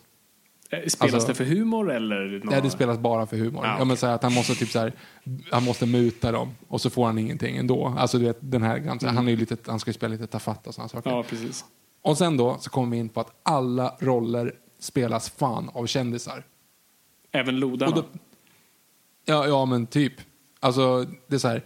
Nour El Refai är med Jaha. som en av offrets storasyster. Hon har typ två repliker. Eh, Jimmy Lindström som är med i typ allt. Jag låter känna igen honom, kanske inte via namn. Eh, han är den bodybuilden i klassfesten, om, den första om du kommer ihåg den. Nej. Bonusfamiljen kanske. Skitsamma. Moa Gamell är med. Mhm. Hon är ju stor idag också, det var hon kanske inte då. Eh, och hon är verkligen med som en så här, alltså hon är en joggare. Alltså du vet, det är, det är så slöseri med talang. Anastasius Solis är med. Jaha. Eh, Nanna Blondell som är, om jag har sett i Inre cirkeln, den här eh, filmen om så här, statsministern, eller eh, under politikerveckan. Skitsamma. Eh, Axel Suber som är tätt från Tillsammans. Tillsammans har du sett i alla fall? Ja, gud ja. Ja. Eh, och sen, jag vet inte om du, kommer du ihåg Linas kvällsbok? Ah, jag känner igen det jätteväl. Jag har bara ingen bild i huvudet. Ja, det är en, en film som var väldigt poppis 2005, typ. Eh, hon spelar huvudrollen i den i alla fall, som jag tyvärr inte riktigt kan uttala. Hon heter Mylane. M-Y-L-A-I-N-E. E. Jag vet inte riktigt hur man uttalar det. Sorry. Försöka. hon är också med för övrigt i Ego, den filmen som du tycker så mycket om. Vänta nu, vilken, vänta, vilken var ego? Ja, nej, nej! Jag Jo, gillar hans- inte ego. Lego. Jag inte en... Vad säger du? Nej, men jag vet, men det var ju bara för att du sågade den med fotknölarna efter så här 20 sekunder av trailern. Jag såg bara trailern. Men trailern hade, visar också hela filmen, vilket var Ja, roligt. förvisso. Men det är Ja, ja, jätteroligt. precis. med en brat som blir blind och så börjar han älska människor. Det, Ja, exakt. det säger en del om de som har gjort filmen och bara hur splittrat vårt samhälle är. Japp. Och sen, och sen så ser man också i trailern att han får tillbaka synen. Ja, nej men det är det jag Ja, menar. ja, det, det är är liksom helt insane. alla Ja. vändningar. Eh, samtidskommentar så eh, gör man referenser till Marcus Schenkeberg och Emma Sjöberg. Och, Jag, har missat den, men ja, Marcus Schenkeberg, typ Sveriges vackraste man. Emma Sjöberg vet vem det är i alla fall. Hon är Nej. tillsammans med Hans, Wik, Hans Wiklund vet vem Ja, det är. ja, ja, ja, förlåt. Yes, Ja. yes, yes. Ja. Ehm, och sen så också då att det är någon så här en, en ung tjej som skriver att hon vill vara med i Big Brother men då måste man göra brösten. Så det är väldigt mycket kommentarer på, på hela det här. Underbart. Ehm, och de kommenterar grooming och självmord bland, självmord bland unga tjejer och mycket sådana saker. Ehm, ingen mördad dock. Det är lite spoiler men det är ingen som mördas utan två som dör bara. Jag tänkte säga två som blev överkörda av ett tåg. Exakt, men det är mord. Ja, ja, Jag vet inte. Nu går vi in på sista filmen i den här serien, eh, eller den här säsongen. Och det är filmen som du har sett och det är ju I Guds namn. Yes. Väldigt underlig film. eh, Ja. Där eh, skurkarnas motiv, jag vet inte ens om de är sagda. Och hela det här fallet skulle kastas ut av vilken åklagare som helst. För att alla poliser bara är, begår olagliga saker för att nå resultat. Och ingenting skulle hålla vatten i en Nope. domstol. Så att det är intressant. Viktor, om, jag, jag måste bara slänga ut en sak här. Och jag kan ha fel. Mhm. Och jag vill inte outa någon här. Men jag säger bara det här. Och, och, och liksom fastnar det på, på näthinnan. Vad händer mannen? Ja, ja. ja, ja. Eller vad hur? händer mannen? Ja, ja. Eller hur? Oh, Okej, bra. Visst Okej. är det Vad händer mannen? Ja, men det Eller tror jag. hur? Ja. Alltså, jag, vet inte hur jag vill inte outa någon här, men det är så här, jag, jag ska inte säga något. Jag, vi, vi nämner inga namn och vi nämner ingen, liksom, ingen kontext och ni får lista ut det vi precis har sagt. Men, och det här är jätteointressant. Eh, men jag och Viktor har liksom en favoritfilm att titta på när vi vill bli inspirerade av att, hur man inte gör saker. Och det var, det var, jag, jag eh, var volontär på Stockholm Filmfestival några år. Och då fick jag med mig, de har en sån här tävling som heter En kilometer film. Och eh, där var det en film som hette någonting. och eh, det är en av de roligaste filmer jag har sett. Det är The Room-nivå på den. Och... Eh, oh, ja. Jag, jag låter det vara osagt här. Det var säkert jätteointressant. Men jag ville bara bekräfta att jag inte var galen. Att det är den mannen. Jag tror, jag tror det. Alltså jag, jag, jag, har, jag, jag, jag har inte skrivit upp det, men jag är ganska säker på att det är den personen. För Det han gör den filmen lite... också roligare. På, alltså just på grund av vad han spelar i den här Beck-filmen. Ja, nej, men jag är ganska säker på att det är han. Men han har ju dykt upp på ganska mycket olika grejer. Det kanske han har. Ja, men det tror jag. Jo, men han, jag får mig till och med att han var med i eh, Hundraåringen och grejer. Alltså, Jaha. ja, ja. Nej, men Ja, han, ja. har, han har dykt upp. Kul för honom. Jag önskar honom allt det bästa. Ja. Eh, Okej, så här har vi alltså en film som, som, som utforskar lite högerextrema grupper, om jag har rätt. Som verkligen inte gillar homosexuella. Nej, precis. Eh, och eh, det är väl typ det. Jag vet inte ens om det är några, de har några liksom... Det, vi öppnar ju här på den här kyrkan och där vi ser massa, någon präst pratar illa om homosexuella och sådär. Exakt. men sen typ händer ingenting. Vi har Gundvall här som har typ lite panikångest och är ej i tjänst. Han är väl sjuk? Ja, Han är utbränd, typ. Han blir utbränd, något sånt där. Och Ja. eh, det är ju intressant, men sen ger han sig ut ändå. Och eh, jag tror det är hans värsta undercover någonsin. Nu måste jag tänka, vilken är det han är? Men det är inte porrmuschen. Nej, det är bara att han ser ut som han, det är det, han är bara dålig. Jaha, och liksom, det, det, varför ska de lita på honom? Han Ja just det, han går ju med i Lots brödraskap. Jag har inte skrivit upp det. Ja just det, jo men det, jo nu, just det. Jo han ska spela lite så här halv halv Torshammare runt halsen ig liksom. Ja, precis. Ehm, så det är kul. det. Och det är kul också för att han har en fighting-scen här. Alltså Persbrandt här börjar bli lite rund. Det här är innan Hamilton. Så han börjar bli lite rultig. Och eh, det är bara, det är lite kul. Eh, tänkte du på den här debatten som modererades av David Batra? Eh, yes, jag har en notis där det Va? står David Återigen. Batra? Frågetecken. I, återigen, de slösar skådisar. Nu är inte David Batra en skådis på det sättet. Men han är liksom inte så här, han är inte där som David Batra utan han är där som en skådis. Ja, precis. Och det här är väl ändå peak Kvarteret Skatan? Ja, ja, efter. Alltså det här är 2007. Och anledningen till att jag vet att det är 2007 är ju då för att eh, det är ju ett, ett till klafffel i bankvärlden här nu. För att eh, han berättar ju att eh, det är ju i den här debatten så sitter, och, i, och mod, så sitter han och modererar typ som en, en paneldebatt. Och då säger han så här, ja här är vd för Föreningssparbanken. Bara det att den här kom 2007 och Föreningssparbanken bytte namn till Swedbank redan 2006. Så att klafffel. Ho! Nej, klafffel heter inte. Fel heter Hashtag bara. not sponsored. Eh, Men kanske den största grejen i den här filmen, det kanske vi skulle ha nämnt från the get-go, eh, varav min anteckning är Oh fuck, det sköt Oberg. Ja, just det. Ja, precis. Så att de, de, de skjuter ju chefen helt enkelt. Precis. Ganska grovt liksom. Och eh, en sak jag gillar här, tillbaks till Bond. eh, Vi, vi pra- eller jag har pratat mycket om hur jag så gärna velat se Craig. Och allmänt, jag älskar att se Commander Bond, alltså när vi ser honom i uniform.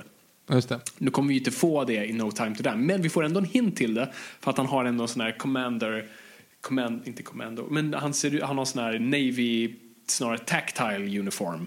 Så vi har sett den här jättefina blåa tröjan från en pil som faktiskt går att eh, köpa. Kostar 3000 spänn dock så att eh, den är dyrare än den där jackan. Ja, jag får, ja, ja, det, kanske blir ändå. Den är väldigt fin. Hur som helst, här ser vi Beck i uniform Ja, just det. på Just det. Mm. Obergs begravning. Vilket jag älskar att se honom i. Liksom cool polis. Kan du, kan du dra parallellen då till hur man ska döda av en karaktär i den här serien till kontra hur man inte ska döda av en karaktär i den här serien? Och lägga det på minnet då till... Ja, några absolut. filmer. absolut. Mm. Och värdigt avslut och liksom. Exakt. Också begravning. Hmm. Eh, yes. Nej, men det var det jag hade på den. I Guds namn, det är inte en bra film. Nej, den är, den är väldigt kladdig. Det, det blir väldigt mycket. Alltså, och det de är gör liksom... inget intressant med de här liksom, kristna fundamentalisterna som hatar homosexuella. Det finns ingen liksom så här, det är ingen så här samhällskommentar i det med att så här, det är fel och de är Ja. dumma. Så här, Jo. men kan vi få Och återigen börjar, vi, återigen börjar vi prata lite grann utanför världs... Alltså verklighetsgrejen liksom. Ja, Eh, den, känns, den känns skriven mer än upplevd om man säger så. yes. Men på tal om det, är det någonting mer du vill säga om den där? Nej. För då tycker jag att vi fortsätter vidare in i nästa säsong, säsong fyra. Och en film som du har sett. Och det är regi Harald Hamrell. Det här är också den, den säsongen som det var två avsnitt i. Två filmer på hela säsongen. Och det var lite mer pengar i de här två avsnitten kan man se i väldigt många eh, bilder. Och eh, filmen jag pratar om är såklart I stormens öga. Yes. Ehm, precis, så det är en ny säsong nu och eh, här får vi ju, här stadgar de på något vis den här nya Beck-loggan som är liksom B, E, C, K liksom, över, under över varandra. Som Exakt. de har kört med sen dess. Och jag skulle säga att det har den bästa titelsekvensen hittills. Ja, Väldigt ja, men, cool ja. och moody och kändes väldigt Beck och verkligen så här, trycker på ett Nordic noir här. Jag gillar den. Ja, Så det var, det var nog en bra liksom, inledning på det. Sen, sen filmen, eh, ja, alltså det här, är, det här är en weird film. skulle jag säga. Eh, det, den här handlar ju om kärnkraftverket. Är det Exakt. Forsmark? Ja, det är Forsmark. Ja. Eh, ja, plotten är i stort sett några ska spränga Forsmark för att, ja det är miljöaktivister, så de ska spränga Forsmark för att bevisa hur skört systemet är. Och de har verkligen scener då Beck säger, va? Är det verkligen så att det är så oskyddat på kärnkraftverk? Ja Martin Beck, det är det. 2005 så försökte de rösta igenom att, bä, bä, bä, och så drar de världens liksom längsta. Ja, som sagt, det här med politisk kommentar kan ju man dra lite för långt ibland. Ja, men det här är ja, liksom, ja, så här, budskapet kan jag väl hålla med om här, men det är liksom bara att de skriver en på näsan så man blir bara äcklad. Ehm, det finns liksom ganska intressanta aspekter med den här filmen. En, en tillbaks till Gunvalls förflutna här. Här har vi Gunvald hos en skräddare. Och han frågar liksom, om materialet Kashmir. Eh, det tyckte jag var nice. Så det är också tydligt på en man som vet egentligen. Älskar att du drar referenser. Jag vill mer om Gunvalds förflutet. Det visar sig att Gunvald då har en son i Ja, den här. Men du drar inte referensen till det utan du drar vilken skräddare han går till. Det Yes. tycker jag är kul. Men det... That's me. Men det finns, ju- det finns i alla fall några så här, Gunvald går Rogue igen. Som alltid. Som alltid.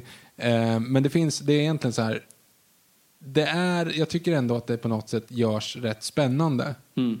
Alltså de, för att vara en pop, det blir en popcornrulle liksom. Ja, gud ja. Och, och ibland som några av de här har ju liksom segat ner sig, men den här håller verkligen ett jävla tempo. Mhm. Och jag gillar det. Ehm, och sen ska man också säga, det finns ju en scen när det är riktiga polis och militärhelikoptrar som flyger på riktigt över kraftledningarna i Forsmark i dis. Det ser så jävla snyggt ut. Det ser liksom. coolt ut. Man får lite så här, oh fan vad coolt. Ja, men det ser så här, coola svenska militärhelikoptrar ser jävligt balla ut. Så Mm. att, nej, det är faktiskt jävligt coolt. Jag gillar att du också, förlåt jag ska sluta tjata om Gunvald ut, men han har skägg i den här. Och jag kommer ihåg Mm. när pressbilderna släpptes inför den här filmen. Och bara, oh, vad händer? För då var det hans tracksuit när han springer typ i skogen med sitt skägg. Man, oh shit, it's going down!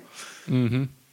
Det gör det typ. Men eh, ja, det, det, det, de älskar att säga MI6 i den här filmen. Shit vad de älskar att säga MI6. Jag skulle ha räknat, men alltså gud vad de bara, åh, de älskar att säga MI6. För MI6 dyker upp och är med i den här filmen. Och Tänkte de refererar till MI6 väldigt många. Erik Gånger. Johansson är med. Förlåt, som vem? ekoterrorist. Erik Johansson, han som spelar Tobbe i Eva och Adam. Eh, och kommer att jag såg den här på bio också. Och då tänkte jag så här, shit, det måste vara hans första roll som Eva och Adam. Sen har jag då missat att alla, och då menar jag alla i vår generation, har sett Stockholm Boogie och tycker att det var den fräckaste, coolaste filmen som någonsin har gjorts. Den är bra. Ja, men under den perioden då när vi var 15-16 och då var det ju så här att Stockholm Boogie var the, The shit. shit. Ja. Och jag hade inte ens sett den, så att jag, visste, jag hade missat att han var huvudrollen i en av de, liksom, de citationstecken största filmerna under den perioden. Ja. Eh, men, men, eh, min referens då var ett barnprogram från 90-talet. Eh, Harald Hamrell är med igen eh, som, som eh, skådis. Och nu är han någon sån nyhetsnisse istället. Som andra ord så, den här taxichauffören, han har varit taxichaufför i två tidigare filmer. Eh, så att han byter alltså roll. Han har uppgraderat sig. Jo men och då är det ju undrat, så spelar han samma person? Ja, fan, vi följer en miniplott här om en Ja, enkel taxichaufför som, Som jobbar sig upp här i världen. bevittnat ett mord och, och eh, börjar sträva efter någonting annat. Exakt. Nej, men det är, en, en också ganska rolig aspekt här är att eh, vi har en biljakt på, i Frihamnen. Mm. Vilket är lite som att ha en Universal-film har en biljakt på, i backlotten på Universal Studios. Det är lite så här, kom igen, nu är ni slöa. så ni som inte vet, alltså Frihamnen det är i stort sett det är Sveriges Hollywood. Alltså det är där, det är där de flesta produktionsbolag är och det är där de flesta produktioner typ spelas in. Eh, Många tv-produktioner och eh, studioutrymmen finns där och många, många sitter där kontorsmässigt. Så det är lite kul bara. Och det är där också Nordisk film sitter. Så att man vet att de bara, äh, vi går ut, jag orkar inte. Vi, vi kör här på sig? bakgården. Vi struntar i slottet. Ska inte bara utspela sig i Frihamnen istället? Precis, så det var, det var kul. Ehm, men annars så, ja, weird med Gunvalds son-plott eh, som de bara Jag släpper in att och sen droppar. de, nu ska vi inte spoila för mycket, men jag tycker ändå att de, de tappar bort, för han har ju haft någon strävan i de tidigare, alltså i två säsonger har ju han haft en strävan efter barn. Ja, gud ja. Det är Ja, det är hans men det- genomgående. Exakt, men det är ju helt bortblåst i den här. När det är liksom Ja. öppet mål. Det är straff utan målvakt och han liksom väljer att ja, lägga den utanför medvetet. Liksom. Ja, verkligen. Nej, men det är Mm. otroligt bara bortkastat och sen bara så ja men nu ska han, och sen, sonen åker iväg va, i slutet. Alltså, vi spoilar men Nu spoilar du ändå. Skitsamma. Det var ju att passa utan, bredsida utanför stolpen liksom, när Ja. det inte ens står någon i mål. Ja, ehm, så är det. Fyra döda i alla fall. Oh. Mycket. Sen nästa Mm. Ha- film jag har sett är Levande begravd. Har vi något Det däremellan? är, nej, men det är bara två filmer den här säsongen. Ja, just det, det var den korta säsongen. Exakt. Och då Så, är det då det. Harald Hamrell igen som regisserat. En känd åklagare hittas begravd i en sandlåda. Just det. Det var det det var. Här har jag skrivit Jessica Sandén bör användas mer. Vem är Jessica Sandén? Jag vet inte. Fuck. Det här är som memento. Jag liksom jag har saker tatuerade på min kropp jag inte ens vet kontexten av. Vi kan podda utan Google. Vem är med i den här filmen? Är det en, är det en person? Är det en skådis? Ja, jag vet inte vem du Jessica menar. Sandén. Vem är, med? Vem är åklagaren? Är, jag, eftersom det bör användas mer så, så kanske det är det åklagaren som dör. Nej, det vet, jag vet inte. Fuck. Okej. Vi går Jag, vidare. tyvärr, jag borde ha... Jag ska lista ut det här. Jag Men vi gör det sen. Eh, hur som helst, Will They Want They har jag skrivit här med Bex och Cybersnuten. Så de, de fortsätter lite på den, den, den kärleken. Det är aldrig lika passionerat som den här gången när de får åka hem från skidresan och gör ljudet åh! Och kastar av sig täcket argt. Det är peak Beck det. Mm. Ehm, du har en ganska bra scen. Jag älskar ju, eller vi alla älskar när Gunvald går, här är han inte undercover men han går liksom besöker gäng på deras hemturf. Så här besöker han ju ett MC-gäng. Och det finns en väldigt bra, så det han gör, jag ska se om jag kommer ihåg scenen rätt, så han ja, går runt där, försöker fråga sig fram, alla vet ju att han är snut, alltså han är- hymlar ju inte med det. Och sen så ber han få snacka med en kille typ på toan. Så, så, okay, så, så Gunnar går först iväg och killen går bakom honom och får ett järnrör av sin polare. Och så försvinner de iväg och sen är lite andra grejer. Vi ser inte vad som händer där. Och sen kommer Gunvald tillbaka med järnröret. Snyggt. Riktigt snyggt.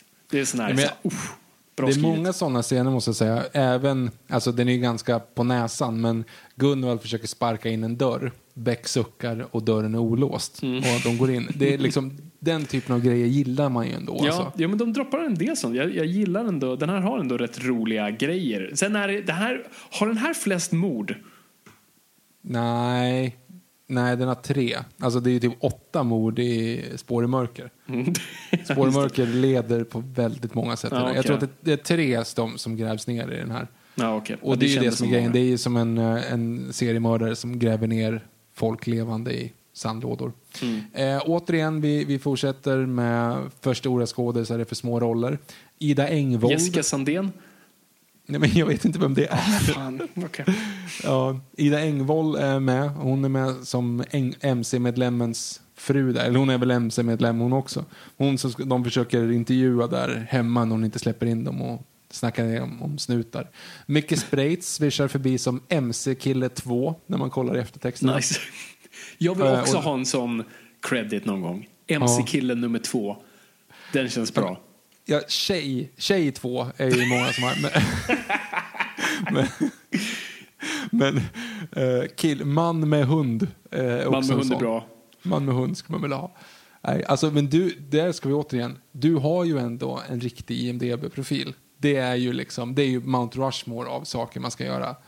Jo, det är sant. Men där har jag ju bara ett Bamse liksom. Jag har inte mina stati- jag har inte fyllt i mina statistroller där. Nej, men det får man ju inte göra. Jag provade att göra det Nej, men jag provade att göra det när jag var 15 någon gång. Så här, uncredited i vinnare och förlorare. För övrigt så har jag då jobbat alltså med Kjell Sundvall. Eh, I, I vinnare och förlorare. Men, men eh, för jag provade ju då när jag var ung, ung och aspirerande och ville göra en IMDB-profil på mig själv Ja, och skriva, liksom, fylla i uncredited. Och den varnade typ så här, ja alltså du behöver, du kan inte lägga upp en som uncredited, du måste ha en som faktiskt finns ja, bekräftad. det. Du kanske inte kan börja med en uncredited. Nej men det var det, är jag menade. Det, det är det jag menade, det gick inte. Ehm, tyvärr. Men det var lite intressant. Men, men eh, du har ju, alltså, så här, det är ju där någonstans. Du, du, ska ju, du ska ju vara på IMDB och du ska sommarprata. Då vet du att du har liksom, Ja, då då är det har du ju lyckats. Då är det ju någon. Ja. ja. Och. IMDB är ju 50 procent, så du är ju, du är ju halvt någon. Ja, jag är halvvägs där. Jag ligger ju, jag ligger ju långt efter. Ja, men vi ska, Så- vi ska skriva in, jag ska skriva in en sak som en podcast i nästa grej här. Så att, eh, Ja, ja precis. Gärna man med hund 2. ja, det kan vi också Det måste ju fixa. vara som en full circle. Man med hund 2. Ja. ja, noted. Inte, inte ens första man med hund, utan faktiskt den som... Ja, det blir kul. Tack för den. Ja, Eh, vi jobbar på det. mm. Eh, jo, och sen så hela andemeningen här är ju att ge straffet en mening. Eh, det är Ja, ju hela det, grejen med den här. Väldigt seriemördaraktigt. Ja, men jag tycker ändå att så här, hela upplösningen är ganska högklassig. Alltså, jag tycker att det är jävligt spännande. Det är liksom köret, det är olika platser och det är olika tidpunkter och de kör ju, Mm. eh, de kör ju lite grann Lammen tystnar-grejen. Ja. Jo, absolut. Det är shit, de, ja, bra. Det är, eller det är ju Lammen tystnar-grejen. ja, men det är Alltså, rakt av. ja. Mm. Jag tänkte inte ens på det då. Nu när du säger det så bara, just det, det är exakt det de gör. Men jag gillar ju det. Jag tycker att det är Ja, nej, men det. Mm. det funkar väl och jag tänkte faktiskt inte på det då. Och det, man ger Oscar-karaktären typ ett ark i den här, vilket är bra. Han är väldigt underanvänd. För hela hans grej i den här är typ att han inte gör någonting. Mm. Ja. och sen gör han något, det är typ hans ark. Att han Men är Oscar-karaktären får ju ganska mycket att jobba med visserligen. Eh, sen. Ja, sen jag får han betydligt mer utrymme. Ja. Men han, har också, han är mer som en subplot alltid. Liksom har Ja. något personligt i bakgrunden. Här får han i alla fall lite att göra. Mm. Att, Eh, känner du dig nöjd med den? Jag känner mig jättenöjd. Vi går på nästa, nu är det typ sex år till nästa säsong. Exakt, nu är det långt. Men nu kommer ju då säsong fyra. Den inleds med att Mårten Klingberg eh, regisserar. Det vill säga han som varit med i de tidigare, som han Micke och Robban? Micke och Robban? Ja, inte Micke och Robban. Nick, utan Nick och Ro- Robban och Nick. tror jag är. Robban Ja. och Nick. Som Han jag ju saknar in- by the way. Exakt, För jag tycker, ju- alltså, den här Oscar är väl nice så, men alltså, för mig är Beck Nick och Robban. Ja, jag tror att han heter Nick. Det är i alla fall han som spelar Nick. Mm. Eh, för övrigt också skrivit eh, filmen Offside, som jag gillar. Mhm. Eh, och eh, han regisserar då den här. Han är jävligt duktig. Alltså, som liksom, han gör mycket stuff. Mm. Han Och gjorde senast se- Min pappa Marianne, va, tror jag. Exakt, jag tror jag, inte, jag tror jag inte sett den, men eh, den har jag hört bra om. I alla fall, första filmen i säsong 4 är Rum 302. Den har jag Fabian. sett. Och min Hit första me. anteckning är Bergströms bordspolare är tillbaka. Exakt, det har jag också. jag, jag har skrivit Filip Berg, Molly Nutley, Kristoffer Wagelin och, och Irma Schultz dyker upp. Och sen självklart Niklas Hjulström, a.k.a. han som hänger på bordet med Helena Bergström. Eh, han som för övrigt också, om jag inte är helt ute och cyklar, är väl han som är Q, va? Alltså, har vi pratat om det här? Det har vi gjort. Vi pratade om det i förra avsnittet tror jag. Jag minns inte i så fall. Allt Burning. Kommer du ihåg film, låten Burning? Yes. Ja, det är han. Gjorde han den låten? Ja, han som sjunger.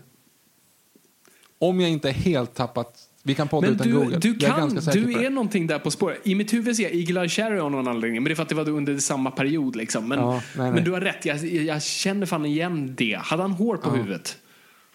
Det vet jag fan. Ja, det hade han väl kanske. Jag vet inte. Shit. Skitsamma, jag är ganska säker på att han... mycket. Ja. Eh, nu då i alla fall, för nu blir det ju ett, ett stilistiskt nytt grepp. För nu kommer Ja. Jonas Karlsson in. Jag gillar Jonas inte den här Karlssons titelsekvensen främst, framförallt. Nej, okej. Men jag menar inte just det. Jag menar Jaha, hela, okej. hela dynamiken i gruppen. För nu är ju det mesta omkullkastat. För nu är det Jonas Karlsson kommer in som ny chef. Just. Ehm, Anna Asp kommer ju in då som eh, Jennifer, eh, Jenny Bodén som sen är med i alla de här. Elmira Rekans Ai- Aida är inne, hon som är liksom nya cybersnuten. Ja. Eh, och de blir nya ingredienser i det här teamet. Jag gillar inte det nya tycker, teamet. men jag tycker att det nya teamet här inte är så bra, men det sätter sig i de senare. Jag tycker att de, Ah. det nya teamet, jo, men jag vet att du är bakåtsträvare, men jag tycker ändå att de, de funkar i de, främ, i de kommande. Nick och Robban. Ja. Eh, I alla fall. De har en ny obducent också, det tyckte jag inte om. Nej, just det, Oljelund är utbytt, ja. Just det. Varför tog man Han är bort varit- honom för? Inte vet jag, han är väl gammal. För det var, en det var också det enda bra. Det var, alltså, jag har ju typ bara hyllat flickan i jordkällaren. Eh, Jag hade ju typ bara positiva punkter, fast det är en värdelös film. Men det jag gillar är att obducenten blev berörd i den. Ja, just det. Ja, Det, är liksom, det var, det var liksom sista droppen. Kanske därför han slutade. fast ja, det är några år efter. vi- vi Utöver det. det så är det för övrigt Harald Hamrells dotter som spelar flickan i jordkällaren. Är det... Det är hon som är. Och onda tvillingsystern med ögonlapp. Shit. Det, det går inte bra för den familjen alltså i Hur, Beck-filmerna. som- hur som helst. Eh, Jonas Karlsson, jag gillar ju han i de här säsongen. För här är han mer, han är mer Michael Scott i de senare avsnitten av säsongen. eller i de senare säsongerna av The Office. Medan han i den sista säsongen av Beck är som David Ten, Bennett? Tennant? Ten, vad heter han i eh, brittiska? David Brent. David Brent. Han är David Brent i de senare säsongerna men han är Michael Scott i den här säsongen. Alltså han Okej. är liksom lite klumpig möjligtvis hur han uttrycker sig men vill typ gott. Alltså det enda han Ja. fokuserar på så här, han är ju väldigt så här, han är typiskt mellanchef. Du vet, cyklar till jobbet. Ja, just det. Eh, tränar jämt och äter nyttigt och kommer in med liksom cykeln och han, har- han har fortfarande liksom hjälmen på när han kommer in på kontoret. Ja. Och kommer in med cykeln för att den är för dyr att ställa utanför. Det är liksom, ja men, ett mellanchef. Jo men exakt. Praktiskt. De har, de, är svår, de har svårt att etablera det. Och jag, alltså jag är ett stort Jonas Karlsson-fan. Jag tycker han är en, också en, på tal om underanvända. Han försökt få göra väldigt mycket men jag tycker fortfarande han är liksom, han an- används inte tillräckligt. Och eh, jag tycker här är han väldigt bortkastad, tyvärr. Eh, Jo men han kommer ju in mer. Det, är ju, det etablerar ju hans karaktär här bara. Ja, jag, kan, jag, jag har inte sett så många på de här. Ja, jag har sett ett par. Ja, skitsamma. Ehm, ja, nej, det här är en, eh, det här är en positiv aspekt. Jag, ska, jag, ska, jag kommer kommentera eh, Gunvalds mode här. Han bär en väldigt osmickrande tröja hela den här filmen. För han är inte särskilt fit. Eh, Jag kommer inte ihåg det. vad sa du? Jag kommer inte ihåg faktiskt vad han har för tröja på sig. För att han, alltså, det, är så, det är som att, alltså man märker här lite att Persbrandt är klar. Vi kommer till det. Så det är som nu liksom, han har ju haft kostym och trenchcoat i varenda film och nu har han väldigt dåligt sittande tight tröja. Som att han bara kom till jobbet så. Men en positiv aspekt Har här du, har vi det. har, du, har du varit hos kostym? Micke, har du varit hos kostym? Nej, skitsamma. jag kör som jag är. Kör bara. Liksom ol- Olika kläder från klipp till klipp. eh, liksom sås på kinden. Eh, nej men en, en bra grej är här, och det var det vi refererade till tidigare, och det är när de är också ut, ute i liksom typ Djursholm eller något liksom fint område. Eh, och då kommenterar någon av karaktärerna på att det är därifrån typ per, eller Gunvald kommer ifrån. Och han typ fnyser om det.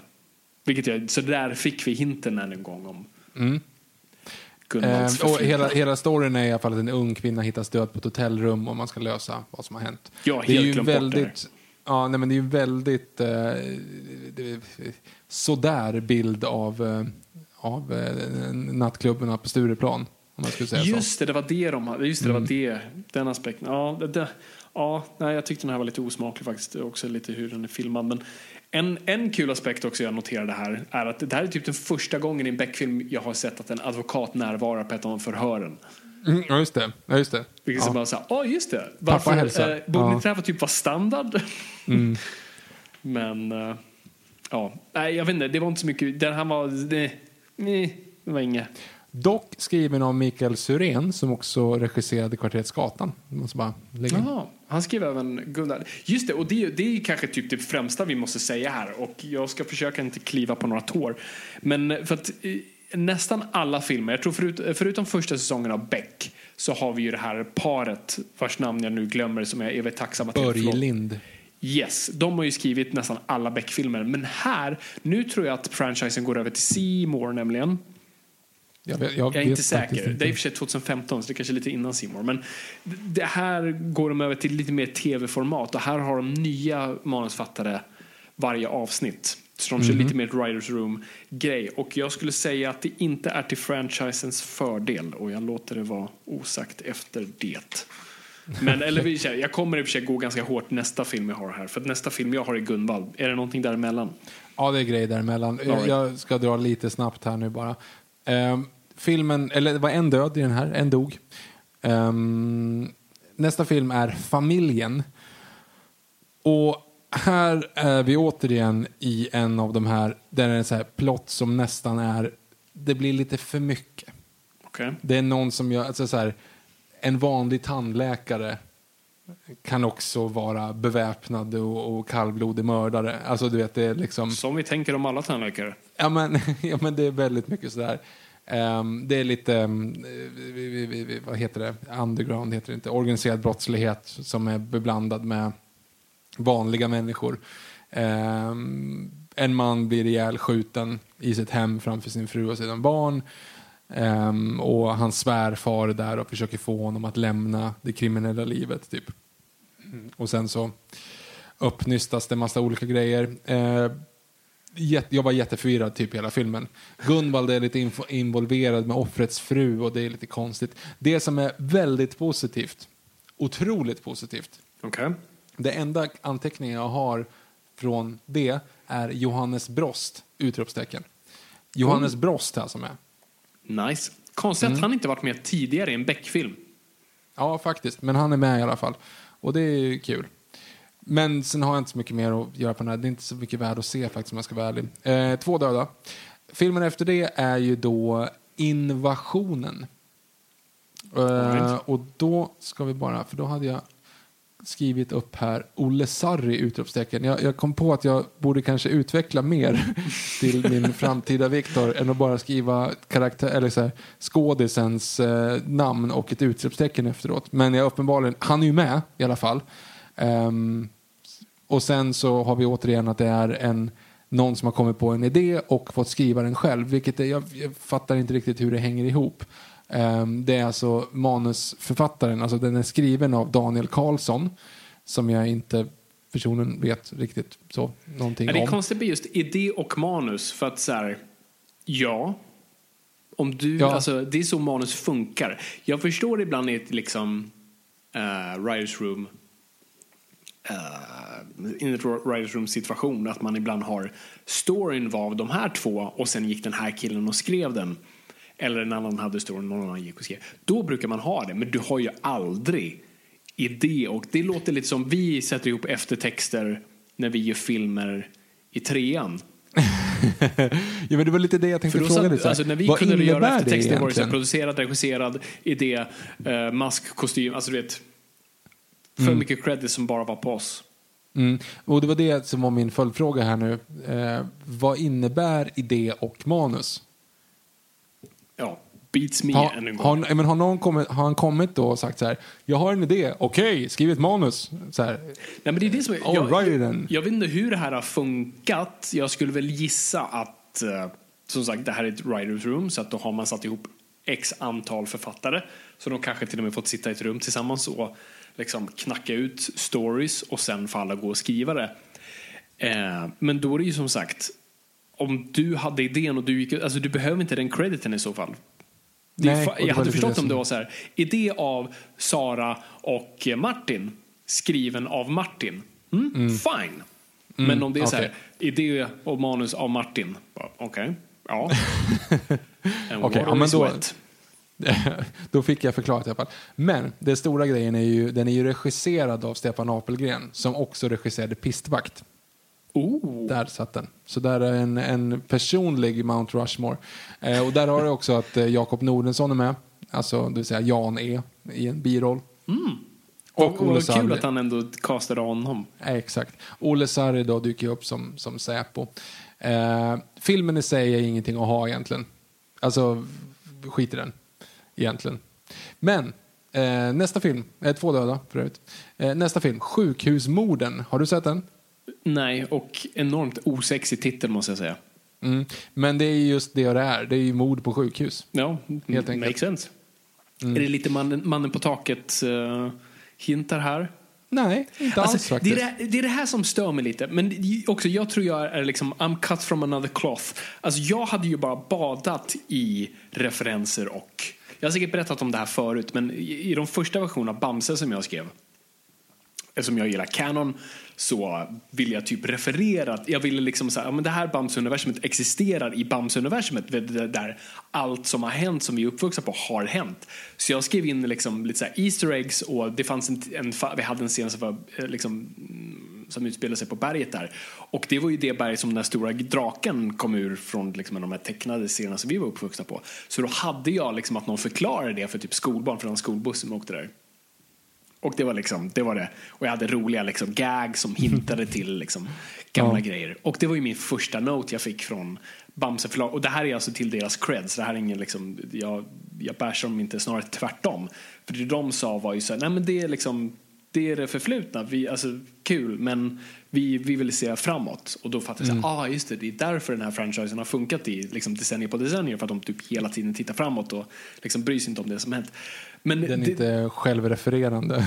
Ja, nej men precis. Och, men det är lite så, men jag blir alltid så förvånad. Och särskilt nu när det är sån här, nu är det nya författare och jag, jag, det är säkert gamla som unga som skriver. Men, här, varför bara göttar ni inte er i att så här, jag hade ju kollat som jag har gjort nu, varenda Beck-film, jag hade läst varenda Beck-bok och så här, försökt bädda in någonting. Så, någonting som heter Sjukhusmorden hade jag bara så här, ah, då ska vi ha någonting som liknar scenen ur Mannen på taket. Så det var en lång utläggning Vi, för en vi kort kan, grej för en av, film vi kan avsluta lite grann på det. För att vi så här, vart är franchisen på väg hade jag tänkt att avsluta lite grann med. absolut. Men sjukhusmorden här i alla fall. Vi återigen en det är helt bananas mycket kända skådisar som dyker upp i skitroller. Eh, en som inte är en skitroll dock, men det är Amanda Renberg som är huvudrollen Hippipora som du har spelat mot. Åh, min gamla kompis. Eller hur? Eh, hon är med hon spelar dotter till den här läkaren då som, eh, som eh, begår självmord från, genom att hoppa från taket. Eller? Oj. Eh, och även eh, Lisa Henny och Ebin Ahmad. Jag vet inte, Lisa Henny vet ju, hon är ju hon har ju varit med i rätt mycket, men det första grejen jag ser henne i faktiskt är ju IQ-reklamen. Kommer du ihåg den med Lill Lindfors eh, låt? Ja, ja, ja. Hej så klackarna i Just ja. taket nu visar. Hon är med i den och Måns Nathanielsson, tror jag i alla fall. Han ser ut som honom. Det är lite oklart om det är dem. Det är lite kul att de två möts i Beck sen, typ tio år senare. Hur som helst. Canon. Ehm, ja, exakt. Ehm, det är eh, referens till Barnläkaren. Ehm, alltså, och det är ju Astrid Lindgrens barnsjukhus, du vet den här Peter Dokumentär. Skitsamma. I alla fall, det jag har skrivit här, att den är skriven av Antonia Pyk som har skrivit några, uh, Annika Bengtsson, lite sådana saker. Men hon har skrivit Cornelis, vilket Ah. blir en, en till referens, för jag sitter ju där nyklippt och nyrakad i ett eh, i en blink at your missile moment i filmen Cornelis också. Det hade jag glömt bort. Vad är det Ja. du spelar där? Eller är?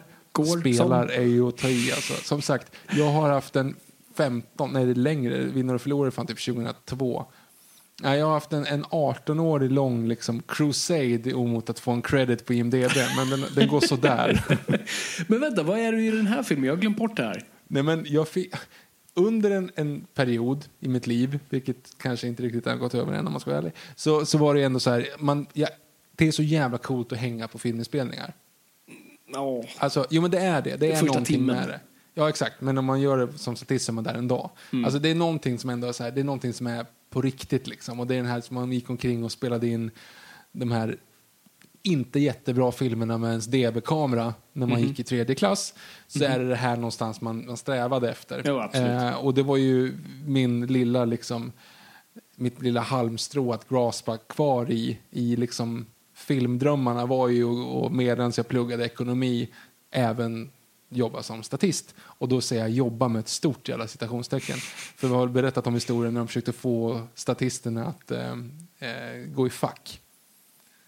Alltså att de Nej. skulle fackligt engagera statister. Alltså göra ett så här, "Ja, vi det är skitlöner. Och så här, skriv på. Bara, eh, nej. Vadå, mitt Alltså, under inspelningen? Ja, under en inspelning. Nej, alltså, så här, de, de försökte inte göra det då, men de sa så här, vi håller på att bygga upp ett fack. Bara, men lägg av. Alltså, det, eh, de kan ta vem som helst som går förbi er i bakgrunden. Bara, nej, nej, nej. Alltså, en bra statist där. Bara, nej, nej, nej, nej, nej, nej, nej. De kan ta vem som helst på gatan. Det enda de ska göra är att inte titta i kameran. Det är typ Mm. det enda du ska göra. Vilket är svårt när man kollar på de här filmerna förut. För man ser ibland att de har lyckats hitta några av de här statisterna som uppenbarligen inte var fackligt engagerade. Hur som helst. Eh, jag har ju varit med i en del av de här grejerna och då i alla fall så fick jag om Cornelis en förfrågan och det var verkligen så här, ja men helt självklart. Alltså en stor film eh, om liksom biopic om Cornelis. Vi ska ha en, en svensk walk the line. Kommer in dit, skäggig och, och Dan och he, håret i hästsvans och de säger bara Åh, äh, den här ska utspela sig på 70-talet. Eh, du hade inte riktigt den där frisyren. Så att bara, är det okej om vi klipper dig? och rakar dig också. Så här.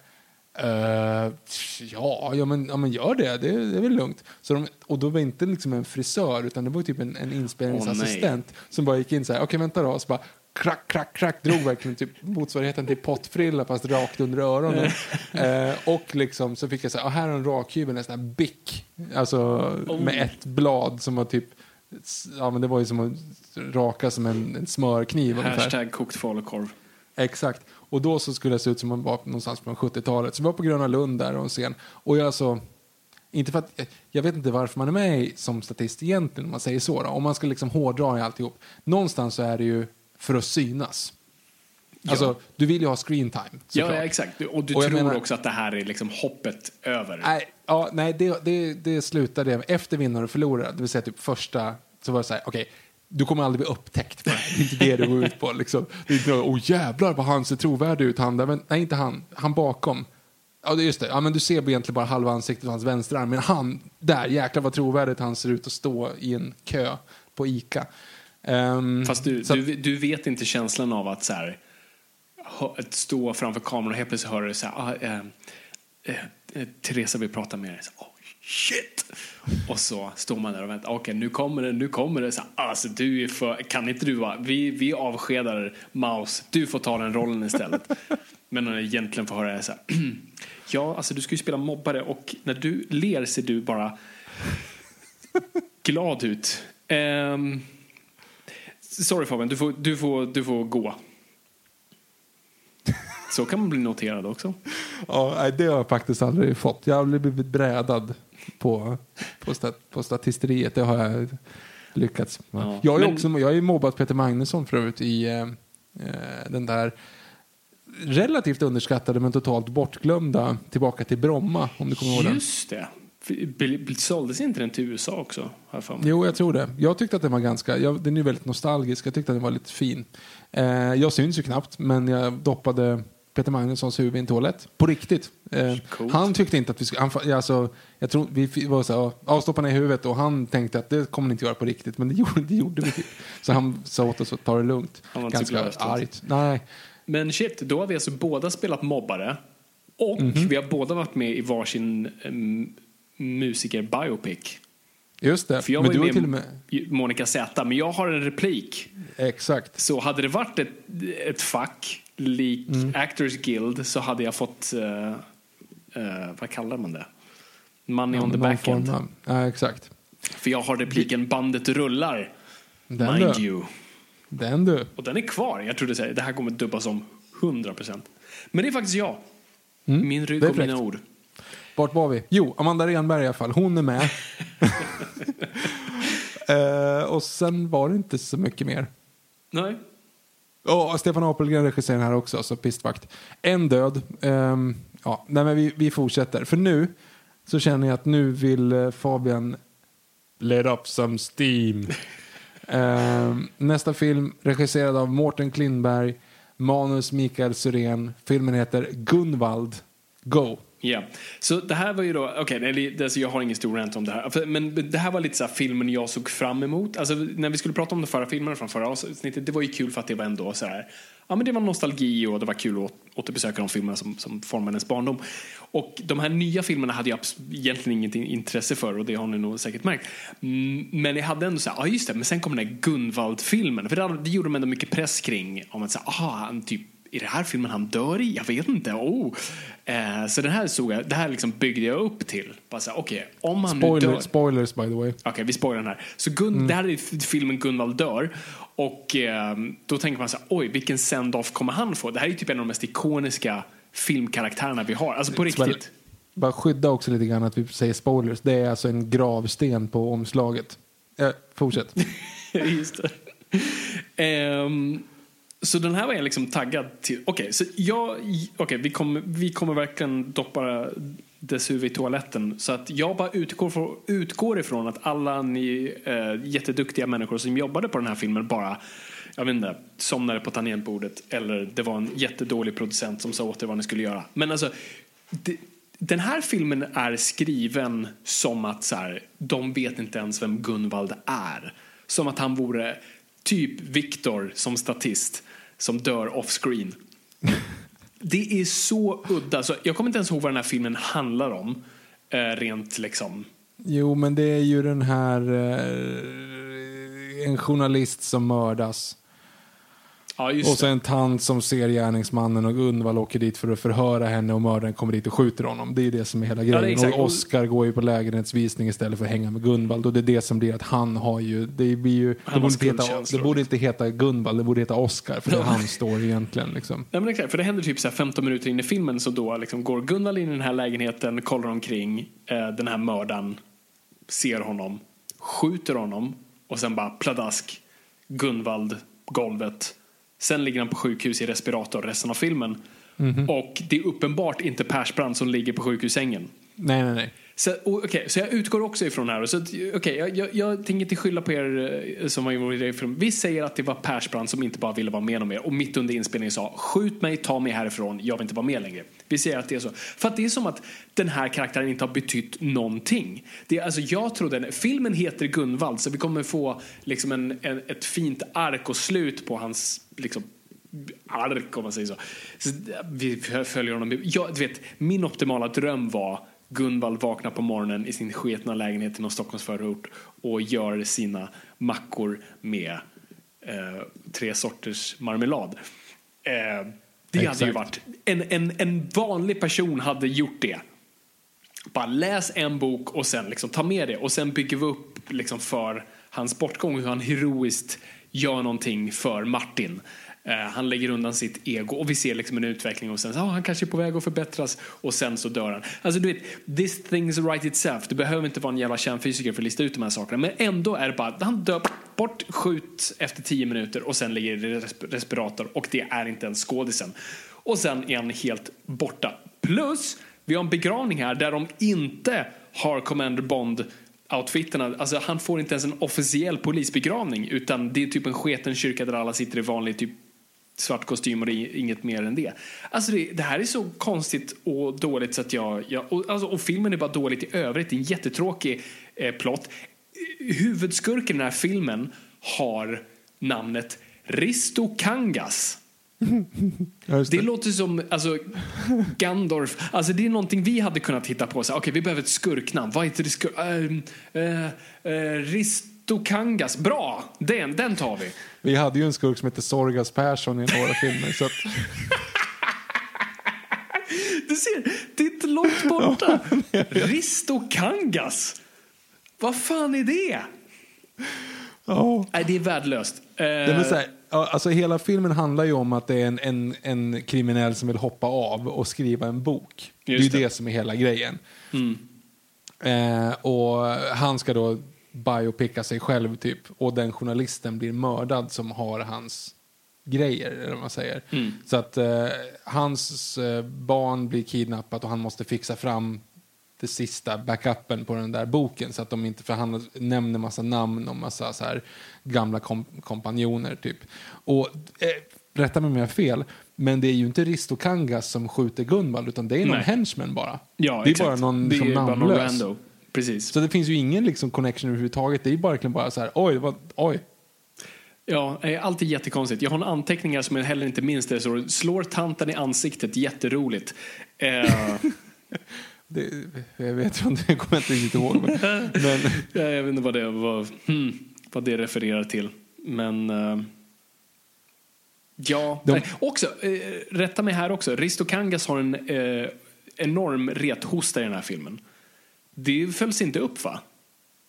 nej, det vet jag fan. För att det är Varför- den här klassiska tropen, alltså om du så här, någon visar ett vapen i akt 1 så kommer det absolut användas till akt 2. Och samma sak är det om någon hostar på film så vet jag, ja, död.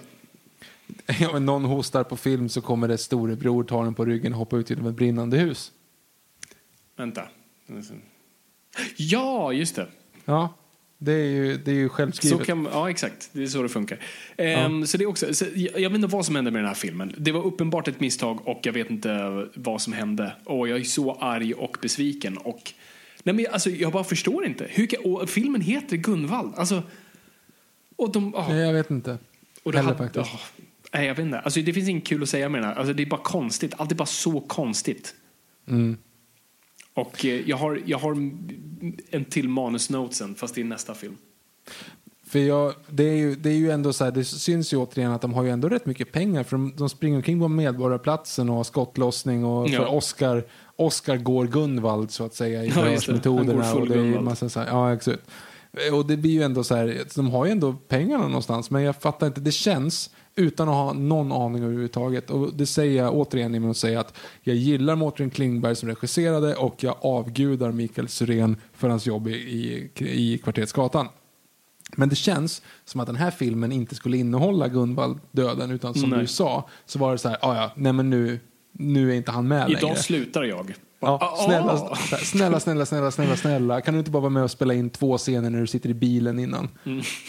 Och typ gå öppna en dörr och så kan vi klippa ihop det lite grann efteråt. För att det blir liksom att det blir ingenting liksom. Ehm, det känns jättetråkigt som du säger. Och Ja. det känns som att det är en helt annan film. Men nu börjar vi, eh, nu börjar vi vända om här och så ska vi ju såklart eh, för dig som gillar, vad vad jag säger, för dig som gillar Seinfeld, här kommer juicebaren. Mm.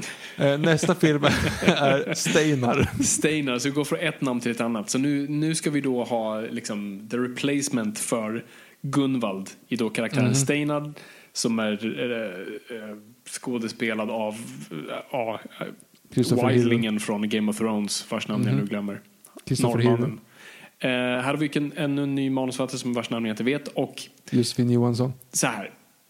Jag säger att personen hade en dålig dag, men vi har bokstavligen en person som kommer in genom en dörr och säger oj vilken dag. Jag bara lämnar det där. Ja, Okej, eh, storyn för den som finns så är det en husvagn som brinner upp i eh, ett utsatt område.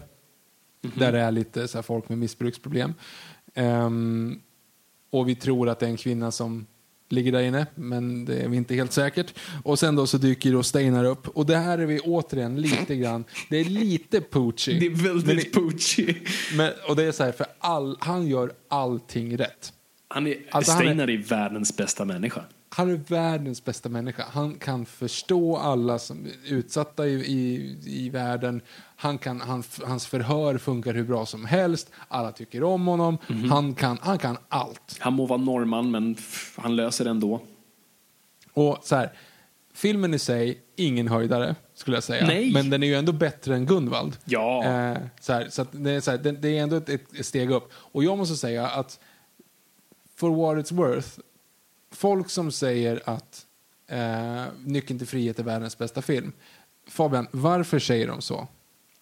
Därför filmen gör exakt det du vill att den ska göra. Exakt. Utveckla lite till. Förläng den bara.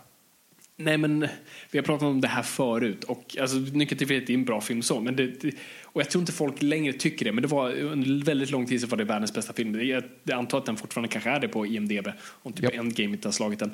Men jag var alltså så fascinerad till så här, varför gillar folk den här filmen så himla mycket och det var just bara för att så här, alla karaktärer gör exakt det du vill under hela filmen. Så att du blir samtidigt liksom, du vet när du ser en film, du vet när du ser om Titanic och du ser isberget komma. Du, bo- varje Sväng! gång så bara så här, kanske den här gången. Ehm, och exakt så är Nyckeln till frihet, fast tvärtom. Du liksom, om Nyckeln till frihet, hade varit Titanic så hade Titanic missat isberget och, och Jack och Rose hade gift sig och Billy Zane hade hoppat av båten och tagit livet av sig. Alltså, du vet, allting hade gått vägen och det är lite så jag ser Nyckeln till frihet. Bra film, Ja. men världens bästa vet jag fan. Ja, exakt. Och det är där någonstans jag vill också bara lägga in att Steinar är behaglig att hänga med. Ja, men vad är hans han är- karaktär? Nej, men det är ingen. Men jag menar, det, det är alltså, han är behaglig att hänga med just av den anledningen. Att Mm. man trivs där.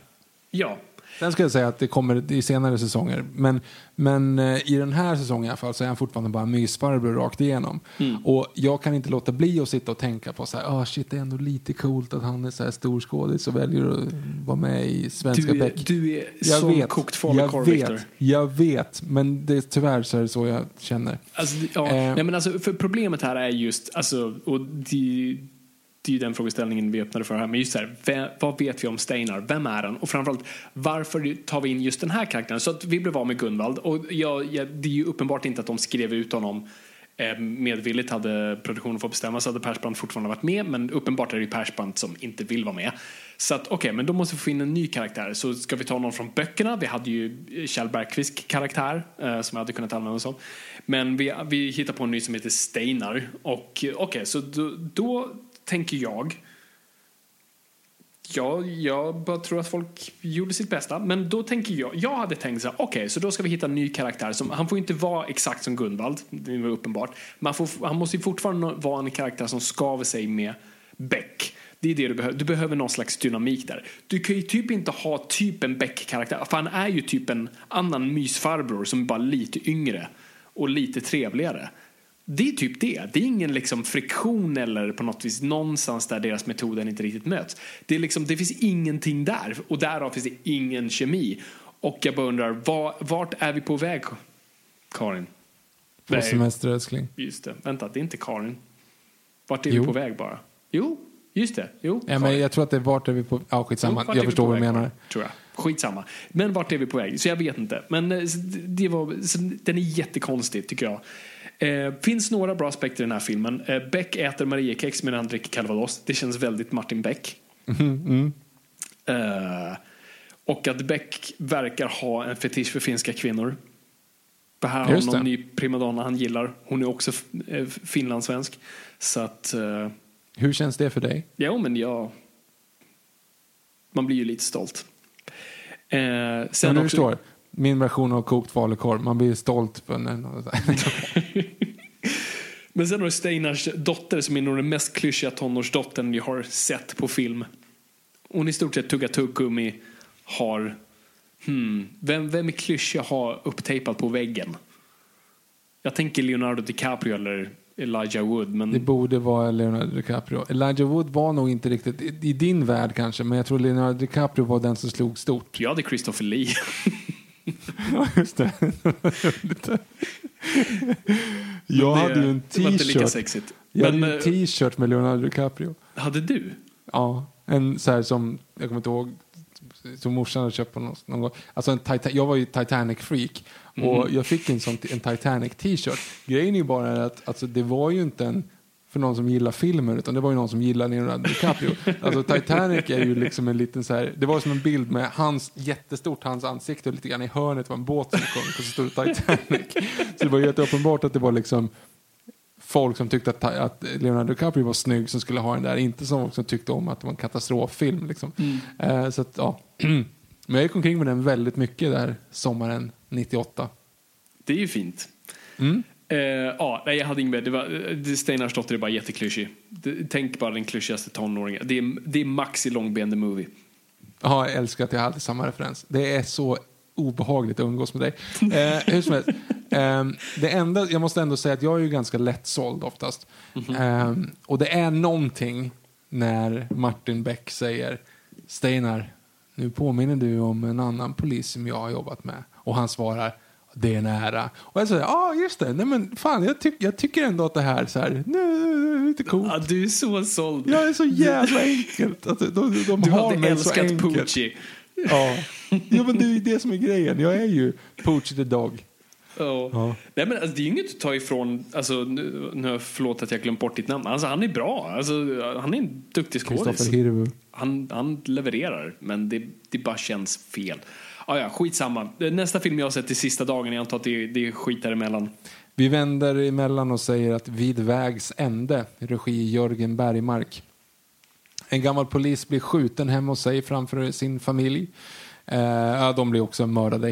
En gammal polis och hans familj blir mördade. Och jag tänker direkt, ah, mannen på taket. Men nej.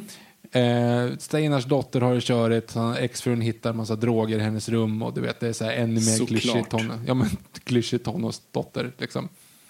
Ehm, Beck eh, får umgås ju mer på fritiden med hon eh, nya Forensics, alltså nya Oljelund. Och hennes man tycker inte att det är så jättekul. Ja, hon är Nu- gift. Ja, hon är gift. Skamligt. Mm. Eh, och sen så har vi lite grann, så ska man säga, Steinar går lite rogue i den här. Han går lite Persbrandt liksom. Ehm, Men det är för dottern så- då antar jag.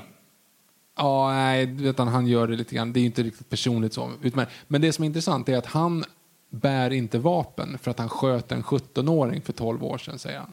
Se, det hade varit en intressant aspekt att presentera i första filmen. Ja, för han gör inte det i alla fall. Och det är ju, det är ju samma sak som Kolberg inte gör i böckerna. Han bär ju inte heller vapen på grund av att han råkade skjuta en person tidigare. Så där har de använt lite grann av, av Det, den. du ser, det, det, alltså det här är bra, jag menar att det här är positivt, men, Mm. men gör det i första fi, filmen Steinar där jag får reda på lite mer om honom. Jonas Karlsson, eh, det, han avgår i den här för att han har eh, han tvålade dit en av de misstänkta för några år sedan för ett mord och den, den där misstänkta visade sig att det kanske inte var helt rätt skött så att han avgår faktiskt. Han avgår som chef. Jag antar att han Ehm, också fick en bättre film. Nej, men det kom, det kom, han kommer tillbaka. Jaha, Ehm, Tre döda i alla fall. Och sen så går vi över till en film som Fabian har sett. Det är regi Jörgen Bergmark, skriven av Antonia Pyk. Vi inleder med Martin Beck som kommer upp och säger Jag vill säga upp mig. Yes. eh, Den största, så här, den här såg jag också relativt, liksom så här, den här såg jag utan att ha sett någon annan och tyckte var bra. Det som är eh, kul är att jag tycker fortfarande att den är ganska spännande och har någonting ändå. Eh, men det är några stilistiska, stilistiska grepp som är underbara och jag vet att vi pratar om det här hur många gånger som helst tidigare i podden. Men det finns någonting i att ha två karaktärer som presenteras genom att de sitter och sjunger We don't wanna die, we don't wanna die, we don't wanna die. För att det är liksom så här, "Ja, jag ska snart gå i pension, åh vad härligt det ska bli. Alltså, en polis som, som berättar om så här, jag har det här sommarhuset, åh vad skönt det ska bli att tillbringa mer tid på sommar, sommarhuset och bara ta det lugnt, ta det här jobbet, ha, ha tagit knäcken på mig. Och sen så, jaha, nej då, den blev skjuten. Jaha. Ja, nej, där har du det. Nej, det här var väl inte en höjdare heller. Ja, du har hela Jag tycker ju det. Jag tycker visserligen att den här är rätt bra. Jag ska ge Alltså, det, är inte men- en av de, det är väl det bästa av de, de tre jag sett den här säsongen. Så att, eh, definitivt. Men den skriver mycket på näsan. Eh, alla privata stories är dekor. Eh, de väver inte, inte in det snyggt utan det är som liksom övergångar till nästa actionsekvens. Eh, och det är här också jag känner att liksom, de, de, de här säsongerna, de här par sena säsongerna, eller framförallt den här har blivit mer alltså, tv-serier, procedural, murder of the week. Vi bara tar oss igenom det. Vi har några stories privat men det nollställs i nästan då så vi bryr oss inte.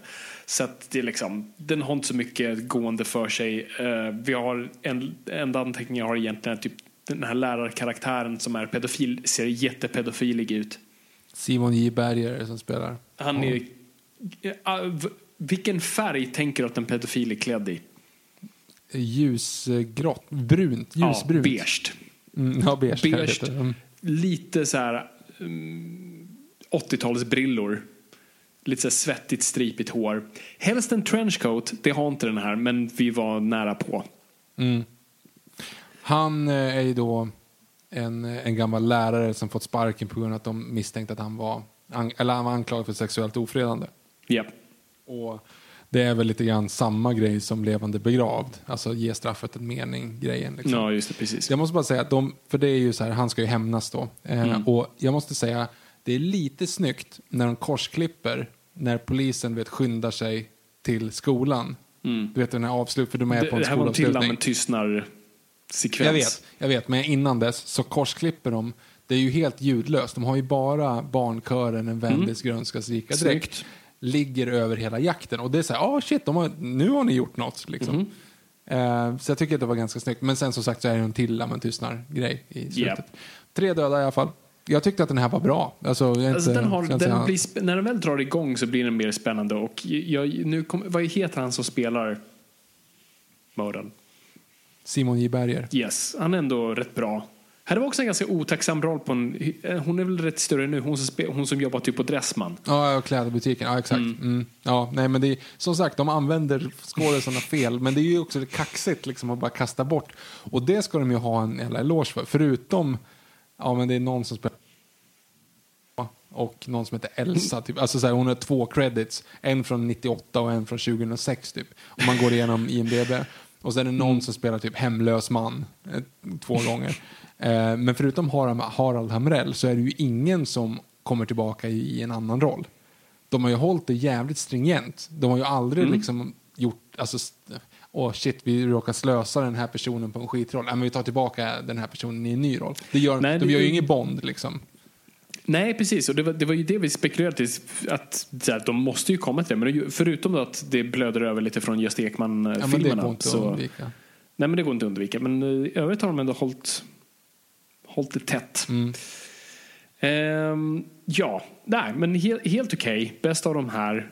Ehm, men jag bryr mig inte. Och sen, sen är vi inne på sista säsongen nu. Och Exakt. Mhm. där har jag bara sett den första filmen som heter Ditt eget blod. Nu är inte jag... Jag må vara manusfattare, men jag är också dyslektiker. Ditt eget blod heter den där. Borde det inte vara ditt egna blod? Eller? Jag vet inte om det är så. Det är ditt eget blod, ditt egna blod. Det egna är väl inte ens ett ord, är det? Det kanske inte är. Eget. Ditt, Ditt eget, ditt eget Det är väl blod. talspråk? Skitsamma. Ja, skitsamma. Ja. Ehm, här har du en eh, topical eh, terrorplott. Mhm. Och IS mixar de in i det här. Så att helt plötsligt är vi väldigt topical. Ehm, Mårten Klingberg skriver manus.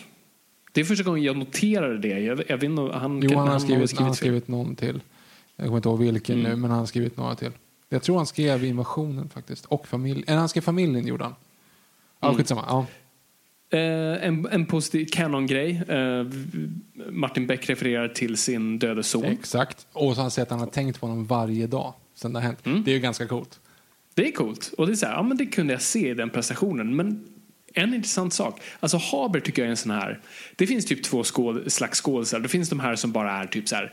De, de bara slår på knappen och de är bra. Så här, Haber är där. Uh, bara nu så här, Bryan Cranston kommer jag på. Det finns så, så många skådespelare som är liksom bara så här. De bara kan. Och sen har du typ Johnny Depp och Daniel Day-Lewis-skolan av att så här, de måste ha en peruk på sig och suttit i sin trailer i tre timmar och liksom badat i det vatten som sin karaktär gör för att komma in i det. Och det är lite mer de här liksom. Så lite så här, Alfred Hitchcock när någon skådis frågade om så här, men vad är min motivation och han bara just act.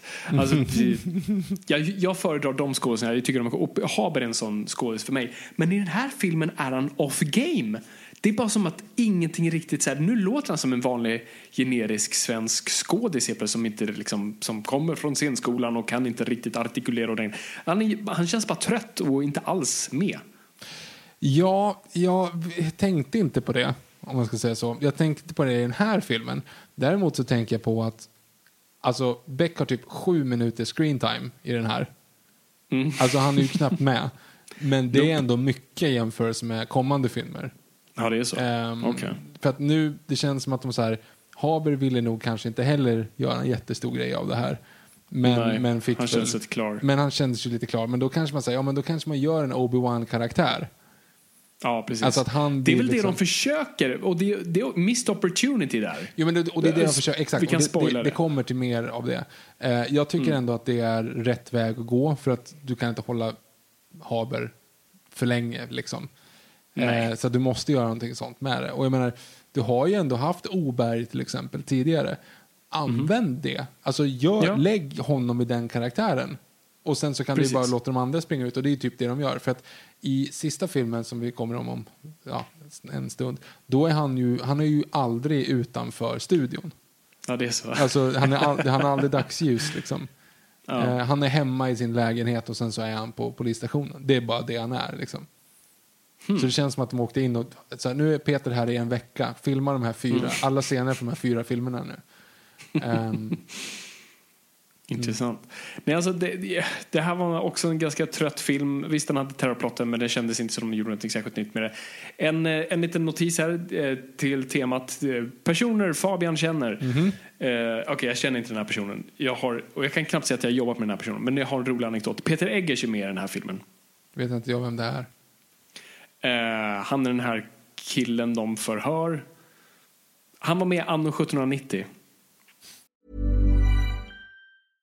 How would you like to look five years younger? In a clinical study, people that had volume added with Juvederm Voluma XC in the cheeks perceived themselves as looking five years younger at six months after treatment. Look younger, feel like you. Add volume for lift and contour in the cheeks with Juvederm Voluma XC. Reverse signs of aging by adding volume to smooth laugh lines with Juvederm Volure XC. For important safety information and to find a licensed specialist, visit juvederm.com. That's J U V E D E R M.com. Not for people with severe allergic reactions, allergies to lidocaine, or the proteins used in Juvederm. Common side effects include injection site redness, swelling, pain, tenderness, firmness, lumps, bumps, bruising, discoloration, or itching. There's a risk of unintentional injection into a blood vessel, which can cause vision abnormalities, blindness, stroke, temporary scabs, or scarring. Talk to a licensed specialist to find out if it's right for you. Hey, I'm Ryan Reynolds. Recently, I asked Mint Mobile's legal team if big wireless companies are allowed to raise prices due to inflation. They said yes. And then when I asked if raising prices technically violates those onerous two year contracts, they said, What the f are you talking about, you insane Hollywood ass? F- So to recap, we're cutting the price of Mint Unlimited from $30 a month to just $15 a month. Give it a try at mintmobile.com slash switch. $45 upfront for three months plus taxes and fees. Promo rate for new customers for limited time. Unlimited more than 40 gigabytes per month. Slows. Full terms at mintmobile.com. Even when we're on a budget, we still deserve nice things. Quince is a place to scoop up stunning high-end goods for 50 to 80% less than similar brands. They have buttery soft cashmere sweaters starting at $50, luxurious Italian leather bags, and so much more. Plus, Quince only works with factories that use safe, ethical, and responsible manufacturing. Get the high-end goods you'll love without the high price tag with Quince. Go to quince.com slash style for free shipping and 365-day returns.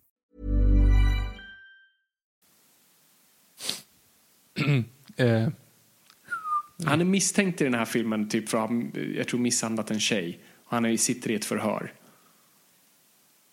jag kommer, Han är rätt jag snygg. såg den här igår. Okej, okay. ja du ser, det är rätt illa. Hur som helst, Peter Eggers. Eh, ja, då, då faller det på plats. Det är en skådis i alla fall. Jag, en rolig anekdot är att jag, jag, var, att, eh, jag var catering på på en eh, kortfilm som han var med i. Och han skulle precis då göra Anno 1790. Och, eh, som var då en serie som spelade Anno 17, alltså spelades 1790 där han spelar någon liksom, typ krigsläkare som blir typ någon läkare i Gamla stan i Stockholm. Eh, de satsade rätt mycket på den. Och han, satt, han gick ganska method på tal om peruker så han typ bodde i en stuga ute i skogen och bara åt kött. Ehm, så jag, jag hade uppdraget att liksom, jag hade fått det giget av att, så här, att fixa mat i produktionen. Så okej, ja, jag gör det. Jag, det är ett jobb. Ehm, men då, och då hade jag lyckats med hjälp av min så här, restaurang, min familj har jobbat inom restaurangbranschen. Så vi kände en kille som kunde fixa oss mat i produktionen för ett jävligt bra pris. Och det var jävligt bra mat. Och det är ett tips till er där ute. Om någon av er någonsin kommer jobba med catering, tips. Alltså, du vinner produktionens hjärta med bra mat. Shit vad poppis jag var. Så jag lyckades fixa riktigt bra mat. Men han, den kocken som då fixade den maten var väldigt specialiserad på så här, husmanskost. Så här, fet grädde och liksom potatis och sånt där. Och så, eh, så jag ringde alla skådespelare och frågade liksom, så här, har ni några, typ är ni allergiska, liksom, dör eller någonting? Och då sa han så här, ah, så här ah, tja, jag, jag bara undrar, eh, jag håller på att liksom deffa inför en roll så jag kan liksom inte riktigt äta liksom allt. Och lite med den här dealen var att jag fick det så bra var ju så här du får det som vi har på menyn den dagen och liksom, vi kommer inte, absolut dör någon av nötter så har vi inte nötter liksom. Inget mer än så. Och jag var så här, ja nej absolut det är lugnt, nej men eh, de, han, han har vegetariskt alternativ, det, det blir, hej då! Och så liksom, så han fick så här skitfet mat varje dag, massa, bara så här potatis och liksom gräddsås varje dag och eh, man såg på hans ansikte och han bara våndades för han var jättehungrig men liksom, det var bara den maten han hade. Så jag förstörde lite för egen hans mat då? där. Ja, jag vet, det borde han ju ha gjort men eh, ja, det är inte en jätterolig anekdot. Jag tycker det är lite kul bara. Vet, Det var det jag hade på ditt, ditt eget blod, ditt egna blod. ja, men det är ju så här, jag tycker Eh. ändå att det är en rätt här, spännande upplösning där. För det är ju en snubbe som har åkt och blivit radikaliserad i Jordanien. De är på fucking plats i Jordanien. Det syns ju att de Mm. Ja. är på... Det, det syns att produktionen jättegärna ville åka till ett annat land. Nej, men det, nej, Jätte- ja, men så, det var ju taskigt. Alltså det syns ju. Det, de gör, det är ju en Jo, plott, de är ju liksom. där, men det känns så här. Du hade inte behövt spendera de pengarna. Nej, men, när de väl är där så är det snyggt. Det är inte så att de överdriver. Att, ja, nej, du, ja, skitsamma. Men i alla fall, eh, jag tycker ändå att det är någonting. Det är lite så halvspännande uppslutning där. Det är en död i alla fall. Nej, två döda egentligen, om man ska räkna Ja, det blir väl. två döda. Två döda. Sen så går vi över då till filmen Den Nu har jag inte sett någon by the Nej, way. vi går, vi, nu- det, här, det, här, your det här gör vi snabbt nu. Vi gör först Den tunna isen, regisserad av Mårten Klintberg. En hockeytränare mördas i, en, i ett omklädningsrum.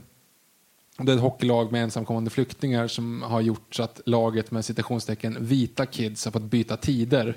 Sådär. Och det är splittringar Oh, inom oh. det där. Ja men det är så här, och någon hockeyfarsa som är väldigt arg och sen så är det liksom unga hockeysnubbar som är sura. Eh, och det är också en, så här, en, en scen som känns... Så här, jag, jag hoppas inte att det funkar så här. Det sitter ett gäng unga hockeysnubbar i en, en, liksom, en stor villa.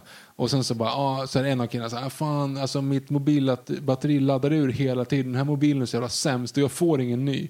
Jag lovar att de här eh, ny, ensamkommande flyktingbarnen, de får mobiler. Ja, ah, fan vi borde bränna ner flyktingförläggningen. Och så gör de det. så så det, det triggades av att deras iPhone hade dåligt batteri och det slutade med att de mordbrand.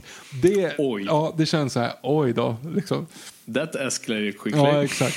Men nu är det ju då lite kul, för nu är det ju uppenbart då att de har... Eh, det här är inspelat 2018, eller de släppte 2018, så det måste vara inspelat något, någon tid innan. Så Ja. vår tid är nu har inte hunnit bli en grej. Men det ger ju också öppet mål till att bara värva alla skådisar. Eh, de har säkert gått in på, i rollistan och bara så här, okej, vår tid är nu. Okej, vilka har ni? Shoot, liksom så här, ja, huvudkaraktärerna kanske vi inte kan få tag i, men alla andra ska in. Och alla andra är typ inne. Det är liksom, eh, han, eh, jag vet inte, har du sett vår tid är nu förresten? Eh, första säsongen. Ja, men du vet Ninas man, hon som hon gifter sig med. Han heter Hannes Folin, skådisen. Lång, ståtlig, mörk herre. Eller mörkhårig herre. Eh, han i alla fall, det är han som mördas. Och sen så är ju, eh, hon har inte kommit in då än. Men du har sett Tårtgeneralen, eller hur? Agnes Lindström som Japp. är med i den. Hon som är typ Japp. hu- kvinnliga huvudrollen den. Hon är Japp. med, hon har typ tre repliker. Och det här är två år sedan. Det är liksom så här, ni, ni visste att hon, skulle, alltså Tårtgeneralen var en thing då, troligen Ja, under jo, inspelning precis. åtminstone casting. Och du visste att hon har en ganska stor roll i Vår tid nu. Alltså det är rätt mycket sånt som bara så här... eh, eh. Även Bäckström, den här med Kjell Bergqvist var ju hon med i. Eh, och sen då så är ju också Eva Melander. Har du sett Gräns? Nej, det har du inte gjort va? Ehm, det var vänta. Trollen. Jag tror inte det som jag inte kan... Nej, men Trollen.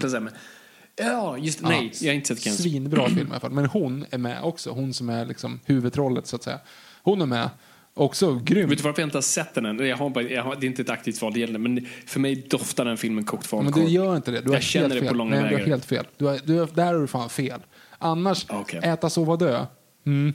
Men, Mm. men nej, inte alls faktiskt. Okej. Eh, och sen så är det också lite intressant att Jonas Karlssons karaktär är tillbaka. Men nu är han ju, alltså, ja men, lilla, feta. The Office, brittiska The Office. Fan, jag glömde bort en Jaha, gång till. han David Brent. Han är David Brent nu, för nu är han liksom aktivt elak. Det var han inte förut. Han var ju bara lite plump. Och, David Brent är inte elak. Jo, det är han. Alltså han är ju liksom cynisk på ett sätt som gör att det liksom blir negativt. Ehm, för nu är han liksom, typ, det ser ut som att han är ute efter att vara taskig på, på ett sätt som inte han har varit tidigare. Eh, Okej. Han känns liksom, citationstecken, ondare. Nu, förut var han bara karriärist. Han var ju livrädd för att saker skulle komma ut i media till exempel. Bara. Ja. Men han var ju inte liksom taskig. Och sen ska jag säga, det är full circle nu. Och det känns nästan lite, det känns lite som, som att se Aria växa upp. Wilhelm ska flytta hemifrån för att han har träffat en tjej. Vänta. Oj! Mm, exakt. Är sån här lilla, Nu är jag... du, se, du såg honom födas för en och en halv månad sedan när du satt och kollade på de första Beck-filmerna. Det känns jätteweird att se dem back-to-back nu. För det har ändå gått Det är liksom 20 år. som bebissolen i... Uh, vad fan heter den? Tänker du säga Teletubbies nu så fattar jag inte vad du yes. menar. Yes, ja, nej, annars vore det väldigt weird. Nej, men jag, jag fattar ändå inte vad du menar. Bara, vet inte vad jag menar? Jag vet bebissolen, men vad har det att göra med att du ser en karaktär födas? Nej, men det var, det var en så här klassisk, eh, klassisk meme för några år sedan. Så här, you want to feel old, this is the baby from Teletubbies. Aha. Och så var det typ en 50-årig kvinna. Ja, det är kul. I alla fall, en död. Ehm, helt helt, helt okej film måste jag ändå säga. Ehm, sen är det då nästa film är Utan uppsåt, regi Jörgen Bergmark. Ehm, en kvinna mördas i sitt, i sitt hem, hittas av dottern. Exmaken har besöksförbud och nya killen har alkoholproblem. Eh, nya killen är en... Om ni har Simor, ni måste gå in och kolla på scenen när de går in och hittar hennes nya kille som har druckit bir, han har druckit massa sprit och sitter ensam hemma i sin soffa. För han ser ut som, som om de har de-ageat eh, GV. Vänta, va? Alltså, han, du vet, om, som Robert Downey Jr-grejen, att de liksom Ja, ja, men Ja, precis. de-agear för Tony Stark, så han ska se ut som han är 17. Liksom. Mhm. Eh, och här ser det ut som att de har de-ageat GW Persson. Okej. Det, och det är spot on. Eh, gå in på hashtag Nojpodd. Det, det är egentligen, det är ju inte jättemycket grejer som är viktigt i den här. så. Eh, hon Alexandra Beijer som var med i Jordanien, kommer du ihåg henne? Vänta, det var inte den här Sandén som jag precis pratade om. Jag fortfarande inte vet vem det är. Nej. Nej. Eh, Alexandra Beijer i alla fall, hon är en ny gruppchef. Hon, Steinar vill ju ha gruppchefstjänsten. Jaha, men... Ah, ja, ja, ja. Hon ja. Mm. Det kändes som de verkligen öppnade så här, det här, De lägger för mycket fokus på den här Exakt. karaktären för att hon bara ska vara med i en film. Exakt, och det är det som är grejen då. För att nu, för... Hon var rätt bra dock. Ja, hon är, hon är bra. Men Beck blir ju liksom över Koko och de behöver en ny gruppchef. Och Steinar vill ju ha den tjänsten. Förra filmen slutar med att han inte får den tjänsten. Utan Alexandra Beijer får den tjänsten. Hon kommer in från Ah. ingenstans, typ. För att hon har ju varit, kommit hem från Jordanien. Hon är ju gruppchef nu och Steinar och hon drar inte jämnt. Så han går omkring och är putt och liksom eh, butter så. Ehm, och det, Men fortfarande världens bästa människa antar jag. Nej, det är det som jag menar. De bygger bort det här lite grann nu. För han blir liksom sur nu. Så nu har hans fru håller på att lämna honom. Och det är liksom körigt. Så nu är han inte alls lika mycket världens bästa människa. Utan nu är han lite mer Gunvaldig. Eh, så han Åh. börjar gå mot det hållet. Eh, en, de, jag bara tänkte på att de korsklipper väldigt mycket i frågor. Alltså två förhör pågår samtidigt. Och då ställer en av förhörsledarna en fråga. Och på båda platserna svarar de på samma sätt. Liksom. Eller på, oli- på samma fråga. Så det är kul klippning bara, för de har inte gjort det förut. Men det var inget speciellt. Hur som helst, en död, fullt sevärd film. Den här tyckte jag faktiskt var, måste jag ändå säga, var väl så, men de, de, fick ihop det. Det är liksom spännande. Det inte, känns inte så Beck, men det är ändå liksom, det är spännande. Och återigen, Men känns det som här, eller vi kommer väl dit säkert, för när jag bara kollade på posterna Mm. liksom för varje film, alltså Martin Beck försvinner ju mer och mer från postern och det, typ sista är typ Beijer bara där. jag vet, men det är ju det och som är grejen. Steiner. Han är, Det känns som de bygger mot det, men vad, liksom, vad kommer Beck namn, alltså, kommer de kunna döpa filmerna till Beck? Men vi Nja, kanske kommer dit, du kanske har väl- någon insikt här. Ja, men det blir väl alltså, som en... Förlåt, jag gäspar här mitt i det är jättebra poddunderhållning. Eh, det är ingen nej, men kvar. det, nej, jag vet det är ingen som lyssnar längre. Men vi måste ändå wrappa upp. Eh, Nej, men så här, jag tror att det kommer att gå mot att vara total go full Obi-Wan. Liksom. Ja. Alltså, han sitter med i förhörsrummen och ibland säger någonting. Det är på den Just nivån det. just nu. Ehm, vi kan övergå nä- till nästa film. Eh, och det är ju sista filmen då, Djävulens advokat. Som jag ändå måste säga, den är regisserad av Jörgen Bergmark, skriven av Johan Bogeus, tror jag att det uttalas. Han har alltså skrivit Julens hjältar. Vänta, djurens hjälp. Julens hjältar. Julens hjältar, ja, oh! Exakt, exakt. Alla 90-talskids fattar den referensen. Barnen på Luna. Nej, den, den fastnar inte. Ja, men den här båten, som, de där barnen som är ute och åker en båt hela sommaren. De har typ, ja, skitsamma, jag tyckte den var jättefräck. Så skrev han även Pelle Svanslös nu som kom ut i år. Men han har också skrivit en av de bästa svenska filmerna som gjorts, typ, och det är ju Sista kontraktet. Den här Palmemordsfilmen. Sent Just, 90-tal. inte sett. Riktigt bra. Eh, hur som helst, den här filmen då, då så är det att eh, Steinars fru lämnar honom och det har man hintat om liksom väldigt länge. Och nu så är det ju, men det är en subplotten, men sen så är det så att Alexandra Beiers eh, brorsa är advokat och är liksom lite inblandad sådär, så att det blir en personlig twist där. Ehm, Och de har liksom körigt och samarbetar med Steinar och Beijer och sådana saker. Det som den inte har är riktigt en upplösning. För att sen på slutet så blir det väldigt mycket, det blir väldigt mycket skjuta. Alltså det, det, man tappar, det är spännande fram tills det börjar hända grejer. För då är det så här, oj shit vad långt ni gick. Um, så väl det är möjligtvis det som är. Men annars fullt också sevärd. Alltså det är så här, känns inte så bäck, men det är ändå spännande måste jag ändå säga. Eh, så fullt sevärt om man ändå tar det för vad det är. För att det är liksom inte... De, jag, jag hoppas inte att de går mot den utvecklingen att det blir att alltså Alex, att Beijer blir Beck och, Gun, och eh, Steinar blir Gunvald. Alltså att de bygger den, den konstellationen. För just nu är det det. Alltså en som, som är liksom genomtänkt. Det, det som är intressant med den här dock, det är att, eller de, de tidigare filmerna också, eller en av de tidigare filmerna, båda två har en teori. Och de är stenhårda på den teorin och vägrar ändra sig. Och så vågar inte riktigt, alltså filmmakarna vågar inte riktigt ge någon fel. Eh, Okej. ja, du, förstår, du Weird. kommer förstå när du ser den.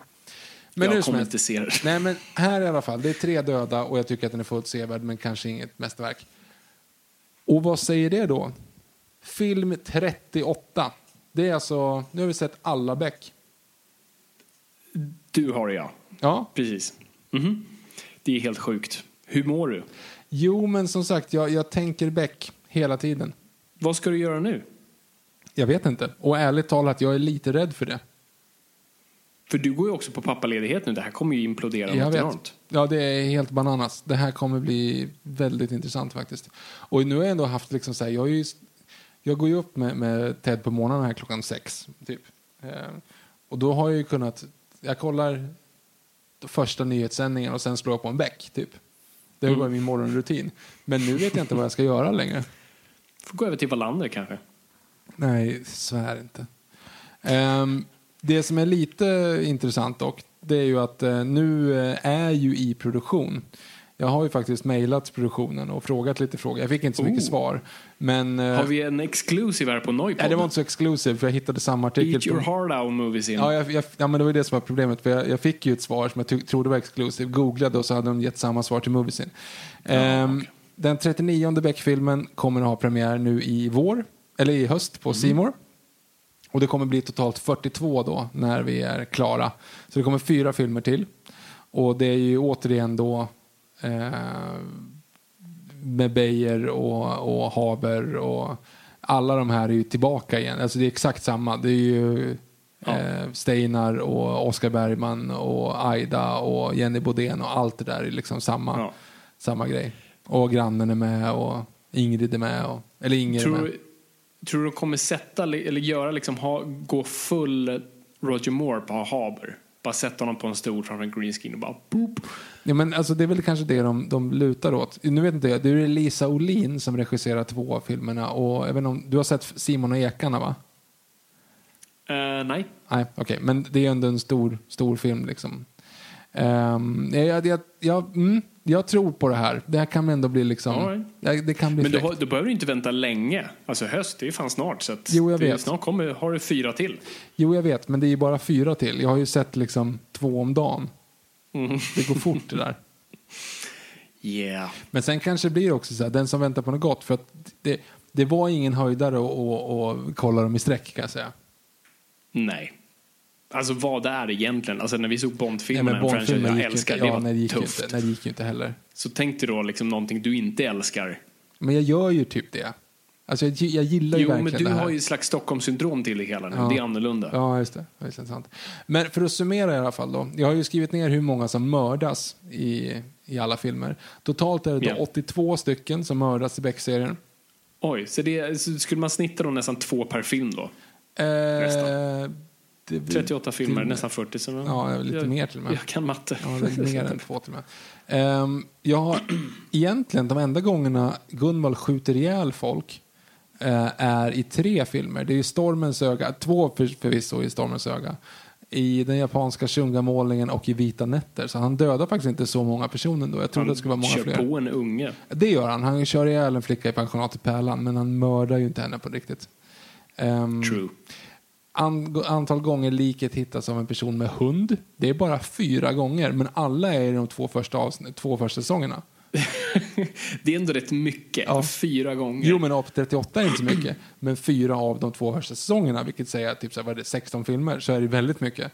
Men sen så liksom gick de ifrån den lite grann. Jag trodde också att jag skulle behöva räkna på hur många gånger Beck säger att han ska sluta. Det var bara två. Eh, det var Vita nätter, men det är också den tredje filmen. Så det är lite det som är så här, ja ah, okej, är- you're in for a treat Martin. Ja, exakt. Och sen då, min personliga favorit, det är ju hur många språk kan Gunvald? Och vi har ju då lärt oss att han kan italienska i Vita nätter, Ja. eftersom italienska är andra språk i Somalia så kan ju han, komma, han kan ju prata med den här personen Just som hittar liket. Eh, kurdiska kan han ju prata i pensionatet Pärlan, eller åtminstone så förstår han kurdiska och han kan några fraser. Det är, inte så här, Ja. det är inte så att han har lärt sig fraserna och bara säger dem, utan han säger någonting, de svarar på kurdiska och han förstår. Det är alltså, okej, du, Precis. du kan faktiskt det här. I Enslingen pratar han thailändska. eh, och sen så i eh, Sista vittnet, då kan han ju läsa lettiska. Shit. Ja, men du vet, han- inte så här Lilian från bergen, det är förra, men han, han kan ju läsa någonting. Hon har ju typ en tatuering eller något sånt där, eller vad det är. Och då fattar Mm. han vad det står. Och det är ju lite speciellt också att han kan läsa lettiska. Det är ju rejält. Och sen då såklart så pratar han ju jättebra tyska i den japanska shunga-målningen. Såklart han gör. Mm. Så det är ändå en, två, tre, fyra, fem. Och så antar jag att han kan engelska också då. Och eh, så. Så att han kan ju ändå fem språk utöver svenska och engelska. Det är rätt imponerande. Det är väldigt imponerande. Mhm. Vilken skulle du ratea som den bästa Beck-filmen? Ja, som av en händelse så har jag ju ratat allihop. Eh, herregud. nu ska jag, ju, jag vet att vi kan podda utan Google, men nu ska, måste jag faktiskt gå in då på min letterbox bara för så att du kan berätta. ja, men det är inte att googla, så det, Ja. det är okej. Det är ju jag själv som har gjort det, så att säga. Ja. Så vi eh, öppnar här. Bufferibuff. Jag kan ju säga så länge, för min, jag har inte en lista. Jag kom bara på vilken som är den- liksom min favorit nu, alltså nu när jag bara tänker. Jag var lite slarvig. Jag, jag, hade jag varit en duktig podcastare så hade jag ju såklart gjort i alla fall en topp fem. Mhm. Men det har jag inte ens gjort. Så jag har bara i stort sett bästa film. Jag tyckte Hämndens pris var den bästa. Mm. I, liksom, i Haber-kanon. Men sen har ju, alltså Mannen på taket kan jag fortfarande inte riktigt släppa. Men det går inte, den, den gills inte. Nej, inte i Haber-kanon, men, Mm. men liksom bara, det är ändå en Beck-film. Vill du ha topp 30, topp 20, topp 15, topp 10? Vi tar topp fem? 10. Topp 10, okej. Eh, på tionde plats, Enslingen, nummer 12. Vi, vi ska ju uppmuntra folk, för Viktor finns ju på Letterboxd, ni kan ju gå in och se hela listan. Så förlåt, börja om på 10. Topp 10. Eh, Enslingen från 2002. Mhm. Det är ju den, du vet, han som är ute i skogen där. Men, eh, nummer 9, Vita nätter från 98. Nummer, au, au, nummer 8. Tysta skriet från 2007. Jag har inte sett någon av de här, så jag har missat Nej. många av din topp 10. Eh, nummer 7. Sista vittnet. Nummer 6. Pojken i glaskulan. Inte sett. Nummer 5. The Money Man. Yeah! Nummer 4. Levande begravd. Nummer 3. No. Skarpt läge. Nummer två, öga för öga. Och nummer ett, hämndens pris. Nice. Fan, jag hade inte sett majoriteten av dem där, så att jag i stort sett bettade fel på dem jag valde. Ja, det beror ju på hur man ser det. He sämst är ju helt klart Gunvald. Nej, jag, eh, nej, Flickan i jordkällaren är jag som sämst. Nej, jag, alltså, Flickan i jordkällaren har ändå underhållningsvärde av att go, go full. Ja. Mm. Han gick liksom...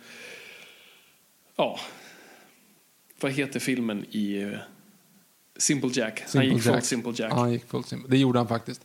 Men, men det tycker inte jag drar ner. Jag, um, jag har ändå Flickan i jordkällan, alltså så här, nej tyvärr, den funkar inte. Den blev smaklös på ett lite Se, jag hade sätt. jättemycket positivt att säga om, om Jo. Flickan i jordkällan. Men, men näst sämst såklart är också då pensionatet Pärlan, för den är fan hemsk egentligen. Alltså. Ja, nej, den är inget bra.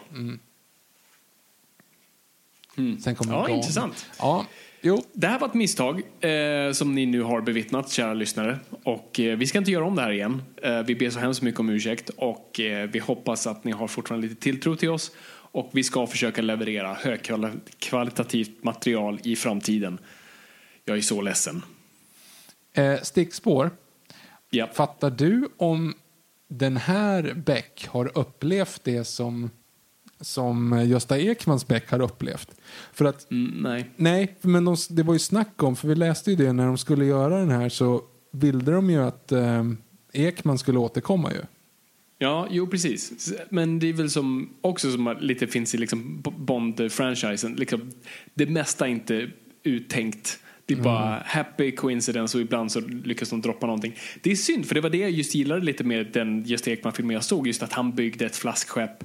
Det var som att den, dot, liksom do, den dottern som man hade i Mannen på hade växt upp. Alltså det, var, det fanns aspekter där som jag gillade. Men jag är ju en canon-människa, jag gillar sånt. Så att det hade varit kul. Jag hade jättegärna velat se någon film, det kanske har varit, har, har Peter Haber någonsin byggt ett flaskskepp? Vet inte vad jag märkt i alla fall. Nej.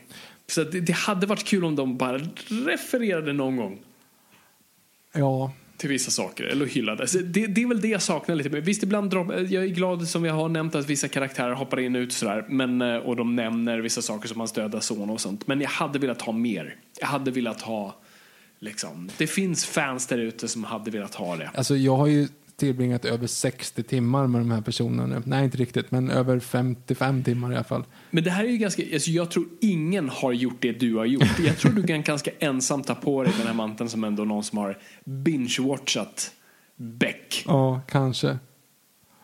Och har någon i världen sett alla Beck-filmer? Ja, inom loppet av en och en halv... Det är klart att alla Dessutom har... på det. Nej men tror du I verkligen att ordning, all... I ordning på en och en halv månad är det nog få som har gjort. Det Ring Guinness, de har inte så mycket att göra nu för tiden. Ja. Nej, men, det, men det som är intressant i alla fall, det är ju framtiden. Och jag skulle då, i och med att jag även har läst Beck, jag har ju gjort allting Beck här nu. Ja, shit. Ehm, så skulle jag säga, nu har ni ju, ni är ju öppet mål. Ni har ju, gå tillbaka till böckerna. Ja, alltså- men det skulle jag också säga. Jag säger reboota skiten. Nej, men du det skulle jag göra. Det behöver du inte ens göra. Du behöver inte reboota. Det är bara Jag vet inte du använd behöver, men jag som Gunvald-karaktären och använd du vet, Oscar som eh, eh, Oscar Bergman som Karlberg-karaktären eller tvärtom. Du, du kan ju bara göra det. Du Nej, behöver men jag inte säger, Ja, men så här, gör, gör en Casino Royale. Nej, nej, men du, så här, jag ska återkomma här. Om du kollar på vad Sjövall och Wahlöf egentligen skrev om. Det Mm. handlade aldrig om, om karaktärerna. Det handlade om polisen överlag i Stockholm. Ja. Den enda karaktären som är med i alla böcker, det är ju ko- kommissarie Martin Beck.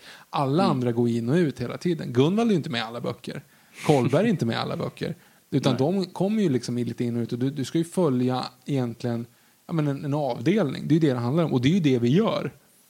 Så egentligen Mm. True, så är det ju det är inte sant. konstigt att de liksom kan fortsätta att snacka Beck när det är helt nya karaktärer jämfört med vad det var för 20 år sedan.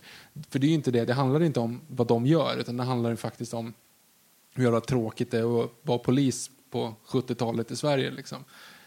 Fan, okej, men du sålde mig där. Du, du sålde in mig på den grejen. Ta, ta in bara Karlberg så är jag nöjd. Jo men eller hur, för du kan ju fortfarande få in Kolberg, för han är ju, han, de nämner ju visserligen honom, så här, vår före detta kollega Kolberg i typ andra avsnittet, eller andra filmen. Men det går ju Det bara att göra bort. Ja exakt, det, Ja, det, det går ju, en men, och på det, det, det kan ju finnas en Kolberg till. Hette också Ja. Kolberg. Det kan ju vara någon som namedroppar. Hans bror. Ja. Med ögonlapp. Eh, nej Mm. men alltså, jag menar, skulle du göra liksom, skulle du ta och göra Rosanna till exempel, alltså filmen Mm. Rosanna, ehm, med de här karaktärerna, det hade inte varit konstigt. Eh, jag vet inte, men jag litar på, på dig när du säger Nej, men det. det är den första boken. Jag vet inte, såg inte du den filmen, Gösta Ekman-filmen? Mordet på Göta kanal. brandbilen som brann upp. Just det, brandbilen som försvann. Eh, nej men, alltså, ja, men det är klart, men de filmerna skulle ju, eller bö- böckerna såklart också, men jag menar, de filmerna skulle ju kunna reboota i en film, i en franchise som har funnits i 20 år, eller 22 år. Mm. Det går ju. Ja. Det är bara att Ja, använda, absolut. liksom, dö- döpa om karaktärerna och anpassa det lite grann så har det ju liksom ändå det är välskrivet, det är ju spännande och tajt ändå. Liksom. Ja, det, Ja. det, det, det, mm, det vore kul om de faktiskt gör det. Seymour, if you're listening, Mhm. please adapt the books. Exakt. Okej, nu vi, vi stänger ner det här för att det här har pågått på tok för länge och eh, jag ber så hemskt mycket om ursäkt. Vi, vi, vi, jag vet inte vad vi gör nästa gång. Vi, vi, vi kompenserar i alla fall. Ja, det gör, Hur måste, vet jag vi måste på något vi, sätt in. När har Wonder Woman premiär? Ja, vem vet Är det så? i denna hellscape vi lever i just nu. Har de inte gått ut med det? Va? De har ingen datum eller? Jo, de har augusti. Och men eh, nu när man kollar på alltså, Tenet, de skjuter upp den hela tiden. Mm. Nej, det kommer inte bli något bio i år. Eh, spekulerar jag nu. Mm.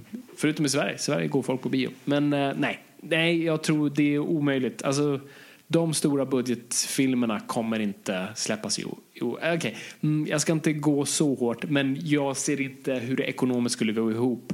För förutsatt att filmerna är det här ett avsnitt? Ska vi prata? Det är ska vi kanske göra ett en. Elseworlds kanske om Co- biofilmerna? Covid-bio. Mm. Jättedeppigt. Vi får se. Okej, vill ni höra det? Om du som är kvar, säg ja. Ehm, Är det, det är bara jag som vi är dig. kvar. Det är bara jag som lyssnar på dig nu. Ni kan ju höra av er om ni kom så här långt. Mm. Eh, vi kan sätta upp en poll, men det kanske är för deppigt att titta på. Vem vet? Um, all right.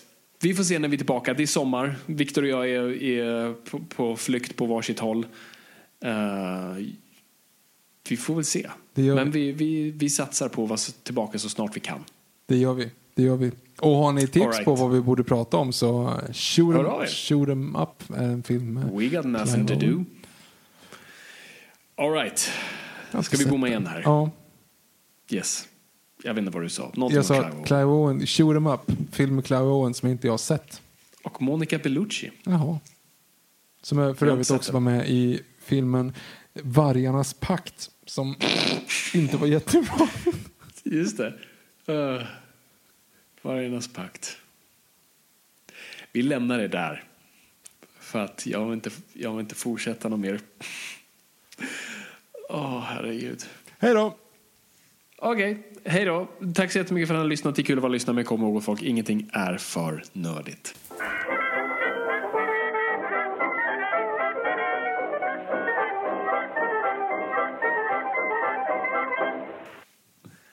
Herregud, Vargarnas pakt, Viktor.